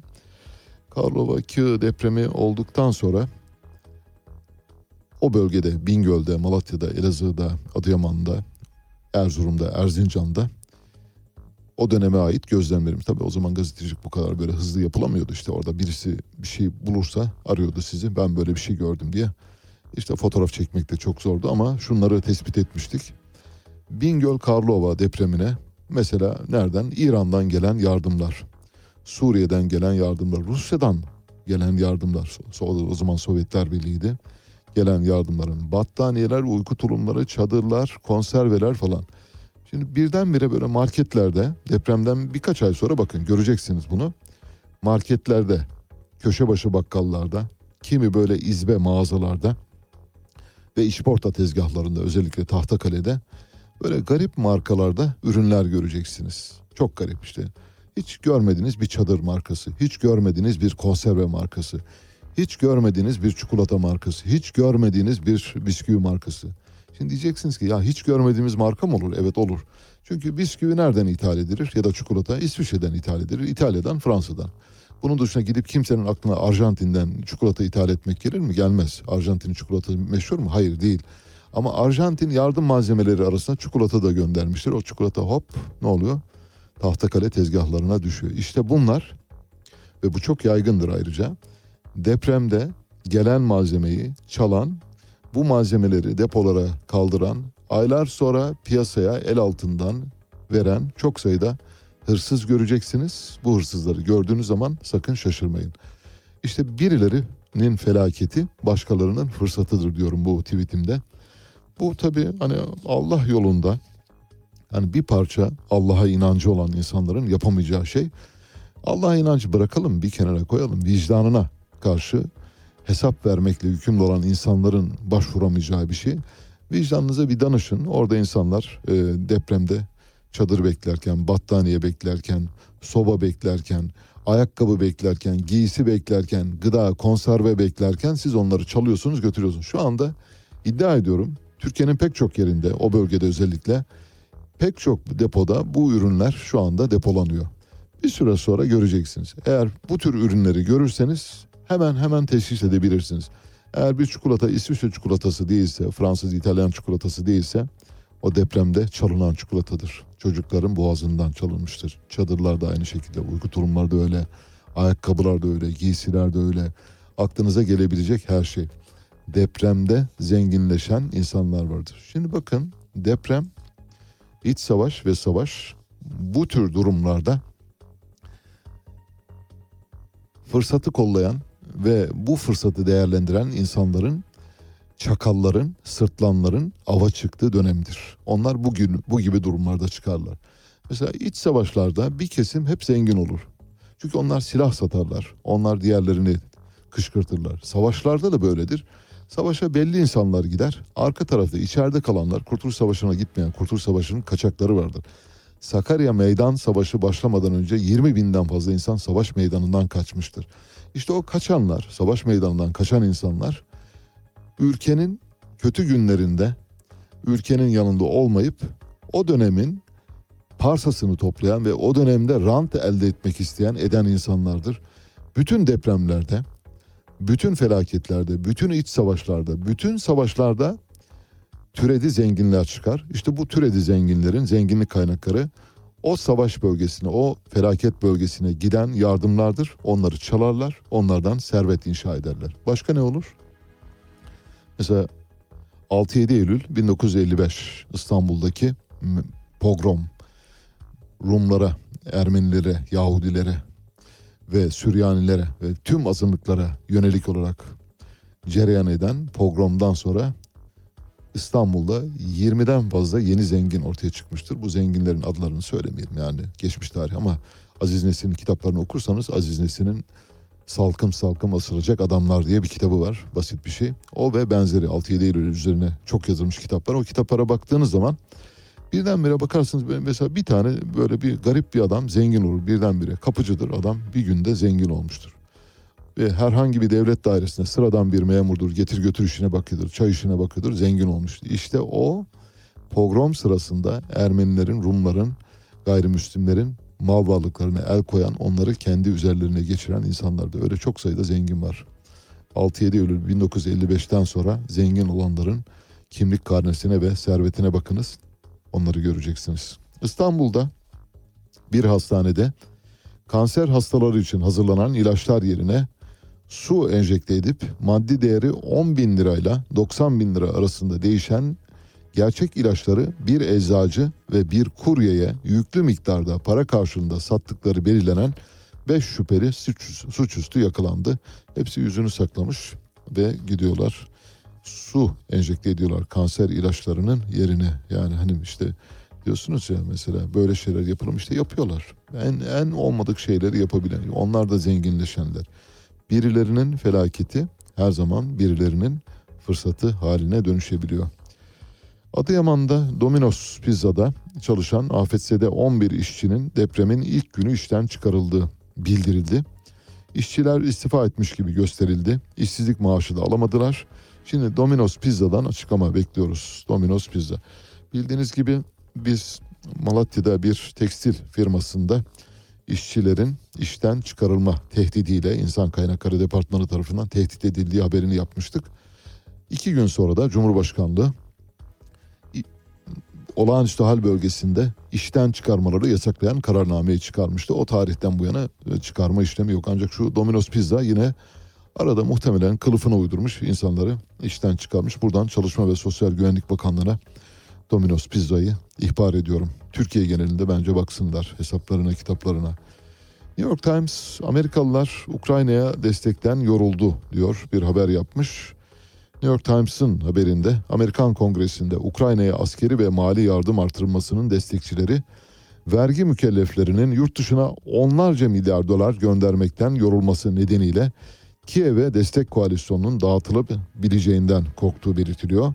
Associated Press ve araştırma şirketi Nork'un gerçekleştirdiği çalışmanın sonuçlarına yer veriliyor New York Times'ın haberinde. Araştırmaya göre Ukrayna'ya yardımı destekleyen Amerikalıların oranı geçen yılın Mayıs ayında %60 iken şimdi %48.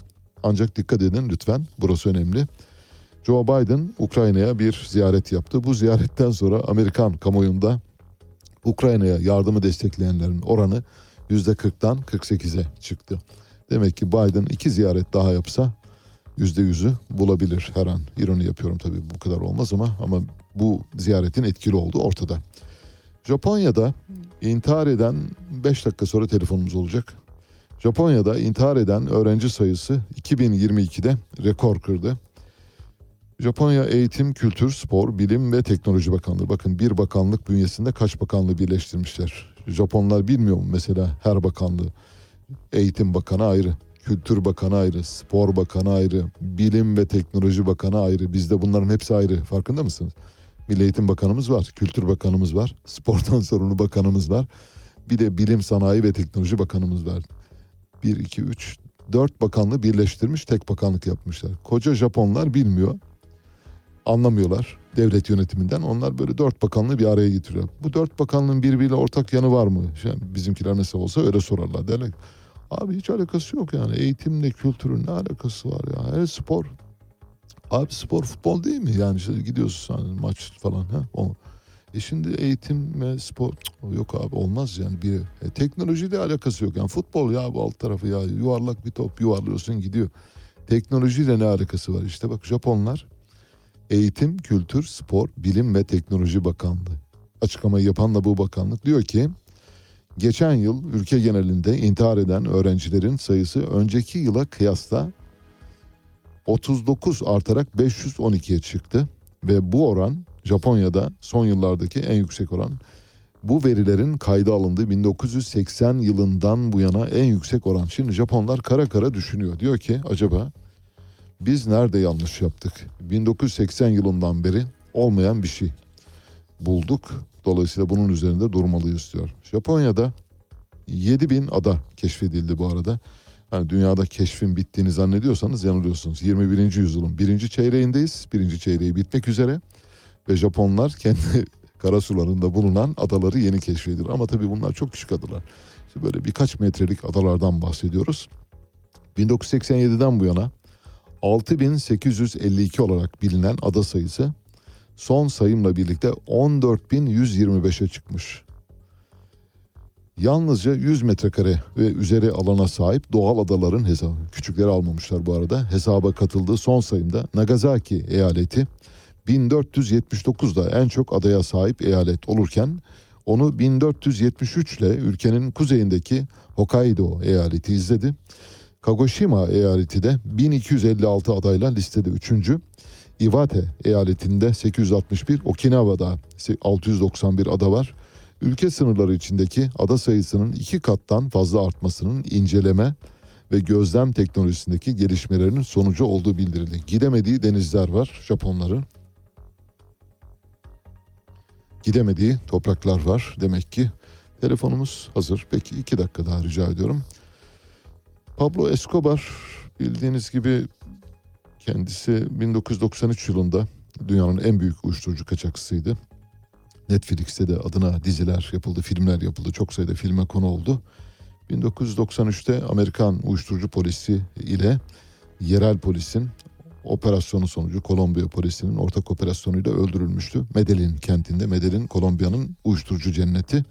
Şimdi öldükten sonra orada birkaç tane su aygırı bırakmış Pablo Escobar. Bu su aygırları hızla çoğalmaya başlamışlar ve şu anda Kolombiya'nın başına dert olmuşlar.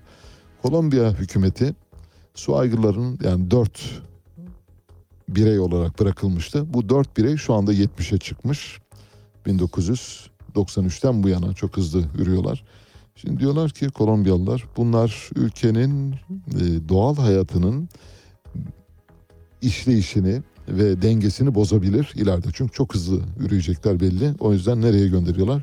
Hindistan'a göndermeye karar vermişler. Hindistan'da severek alırız demişler. Biz zaten hastasıyız su aygırlarının demişler. Peki hazırsak telefon bağlantımızın saati geldi. Telefon bağlantımızı altılı masayla ilgili yapacağız. Altılı masada ne oluyor? Altılı masa dağıldı mı tamamen yeniden toplanabilmesi mümkün mü? Peki arka planda ne gözüküyor, nereye doğru gidiyor diye konuşacağız yaklaşık 10 dakika boyunca. Milli Gazete Genel Yayın Yönetmeni Mustafa Kurdaş şu anda telefon attığımızda. Mustafa Bey hoş geldiniz. Teşekkürler, iyi yayınlar Ali Çağatay. Çok teşekkürler katıldığınız için. Şimdi 10 dakika vaktimiz var. Ee, Cuma'dan bu tarafa tabii hafta sonu biliyorsunuz siyasi kulisler genellikle hafta sonu çalışır. Yani cumartesi pazar müthiş bir trafik vardır. Ee, bendeniz parlamento muhabirliği yaptığım yıllardan bilirim.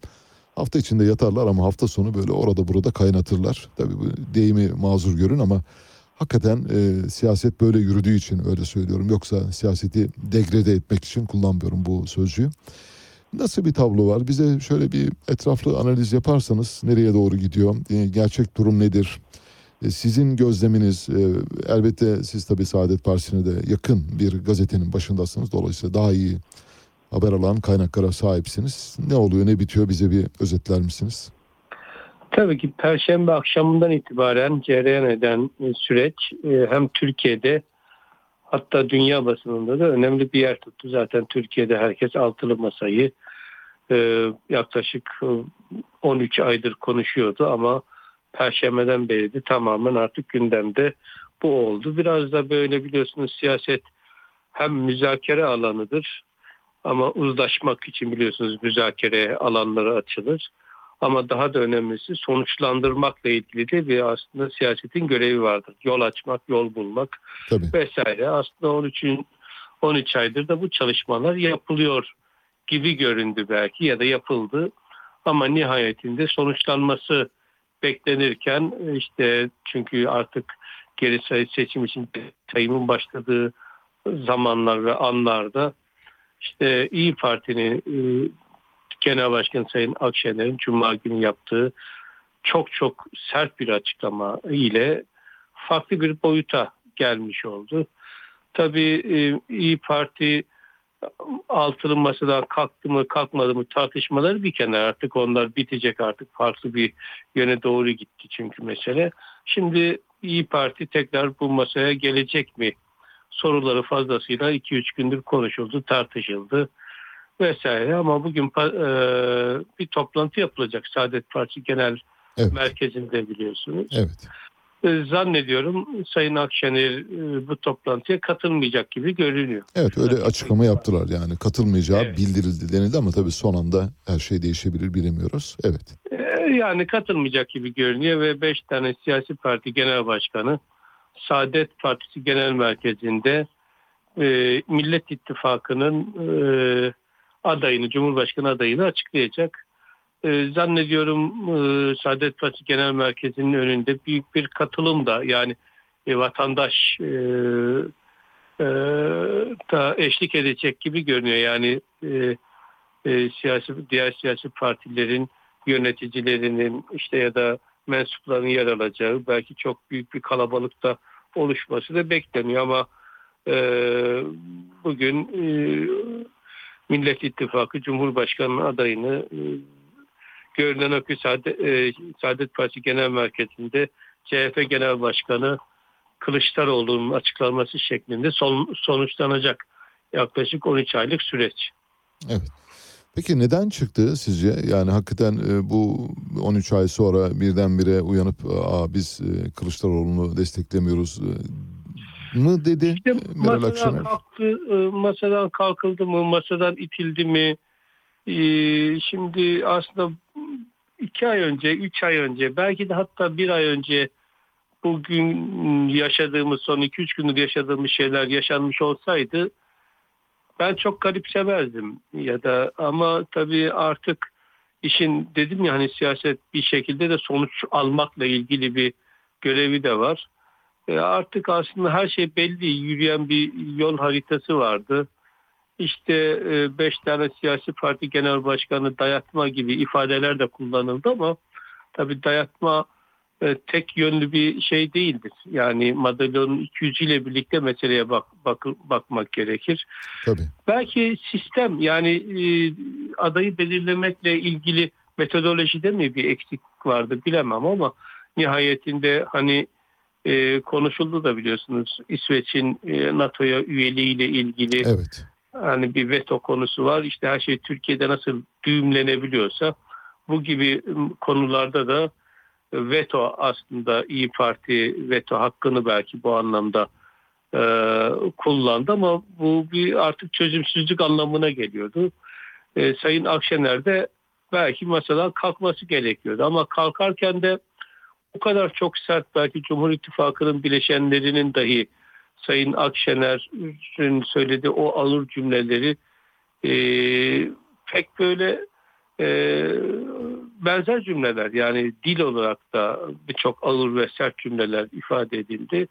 Belki daha farklı, e, daha yumuşak bir geçişle Sayın Akşener masadan kalkması gerekiyorsa yani kalkılabilirdi. Beş tane siyasi parti genel başkanı işte bir isim üzerinde Kılıçdaroğlu üzerinde anlaşmıştı. Evet. Onlar zaten görüşmüşler ifadeleri kullanıldı. Oysa ilk kez konuşuyorduk masada denildi. Doğrudur da yani tabii Sayın Akşener de demek ki diğer siyasi e, e, adaylarla yani hem e, e, Ekrem İmamoğlu'yla hem de e, Mansur Yavaş'la demek ki görüşmüşler de onun için göreve Evet. çağırmalar vesaire oldu.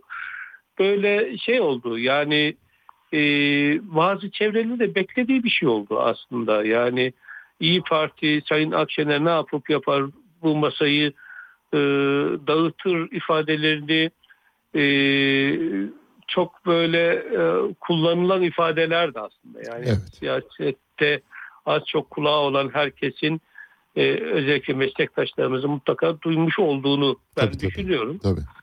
Bu gerçekleşti ama bunun ben son dakikada olması tabii yani artık e, 6 Mart'la ilgili de süreç başlamışken olması biraz enteresan oldu doğrusu. Son bir şey sorayım. Ee, Sayın Temel Karamollaoğlu'nun e, toplantı sırasında tabii yani kulis haberleri bunlar. Ben bu tür haberlere çok itibar etmiyorum ama işte siz e, eğer duyduysanız e, bizimle paylaşın lütfen. E, İşte güya e, Kemal Kılıçdaroğlu ayağa kalkmış ve çok sert biçimde e, Meral e, Hanım'a, e, Meral Akşener'e yüklenmiş. Yani hakaretamiz değil ama işte çok sert e, bir tonla söylemiş. Öyle söyleniyor. Temel Bey'in de o arada çıkıp e, artık sizden bıktık e, dediği ifade ediliyor. Doğru olabilir mi bunlar? Yani Temel Bey ile ilgili bölümünü soruyorum. Öteki bölümünü bilmiyoruz ama yani ben Temel Bey'in yani böyle şimdi tabii ben bunu Temel Bey'e sormadım. Hı hı. Yani e, Sayın Karamollaoğlu'yla görüşmelerimiz oluyor ama bu trafik Tabii, içerisinde böyle. Böyle bir görüşmeyi gerçekleştirmedik. demiş olabilir mi? Yani böyle bir böyle Yok, bir ben Sayın Karamollaoğlu'na bunu yakı, şey yapamam. Yani ben de bu- evet evet. bu evet. söyle bıktık gibi bir Tabii, ifadeyle e, yaklaşılabileceğini düşünmüyorum. Çünkü masadaki siyasi parti genel başkanları aslında birbirlerine karşı gerçekten çok nezaketli bir Ölçülü tabii. yani evet, evet, Sayın Akşener de dahil olmak üzere. tabii. A- ama bir küçük bir yani küçük demeyeyim büyük bir görüş ayrılığı ama böyle bir görüş ayrılığında da böyle bir siyasi nezaketin dışına çıkılabileceğini ben doğrusu düşünmüyorum. Yani özellikle bıktık gibi bir ifadeyle Sayın Karamollaoğlu'nu tanıdığım için söylüyorum. Ee, gerçekten e, masada ağabeylik yapan Tabii. bir kimsenin e, ne olursa olsun işte bıktık ifadeleriyle yaklaşılabileceğini ben düşünmüyorum ama gerginlik oluşmuş olabilir. Yani bir Evet. gergin ortam olması çok tabidir. Evet.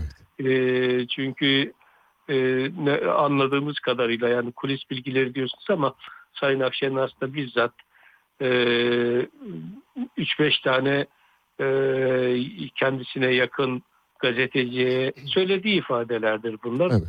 Tabii ki doğruluk payı çok yüksektir yani Anladım. baktığımız zaman ama Peki. bir de Sayın Kılıçdaroğlu ve Sayın Karamoğlu diğer genel başkanlar çerçevesinde de duymak ve bakmak gerekir.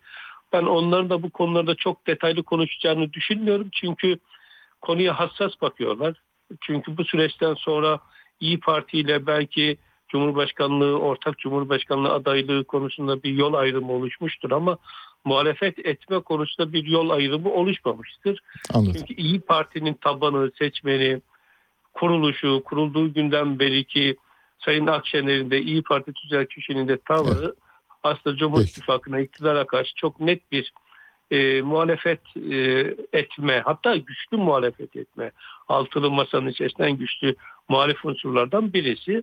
Doğal olarak Türkiye Büyük Millet Meclisi seçimleri çok önemli. Tabii. Çünkü e, Türkiye Büyük Millet Meclisi'ndeki seçimlerdeki oluşacak olan aritmatik eğer ikinci tura kalacak olursa e, Cumhurbaşkanı'nı da belirleyecek ar- aritmetik olarak görünüyor. Çok teşekkürler e, katıldığınız için. Milli Gazete Genel Yayın Yönetmeni Mustafa Kurdaş'la konuştuk ve Altılı Masa'nın geleceğini tartıştık. Tabii şu an itibariyle bugünkü yapılacak toplantıdan sonra elbette ortaya çıkacağını biliyoruz. Evet bitirdik. Bugünün de sonuna geldik. Bu programı kumanda masasında Ege Akgün, editör masasında Harun Erozbağ'la birlikte gerçekleştiriyoruz. Bugün size Don't Worry Be Happy'nin o olağanüstü müzisyeni Bobby McFerrin'dan parçalar seçtik. Şimdi Bobby McFerrin'le Joy Black bir improvizasyon gerçekleştiriyorlar bir sahnede. Arkada bir orkestra var ama orkestra işin içine neredeyse hiç karışmıyor. E, parçanın adı da zaten e, improvisation. E, çok doğaçlama ve sandalyeleri çekiyorlar. Karşılıklı mikrofonları alıyorlar ve başlıyorlar oyuna. Evet dinleyin bakalım zevkle. beyond, beyond he, beyond, beyond he, beyond,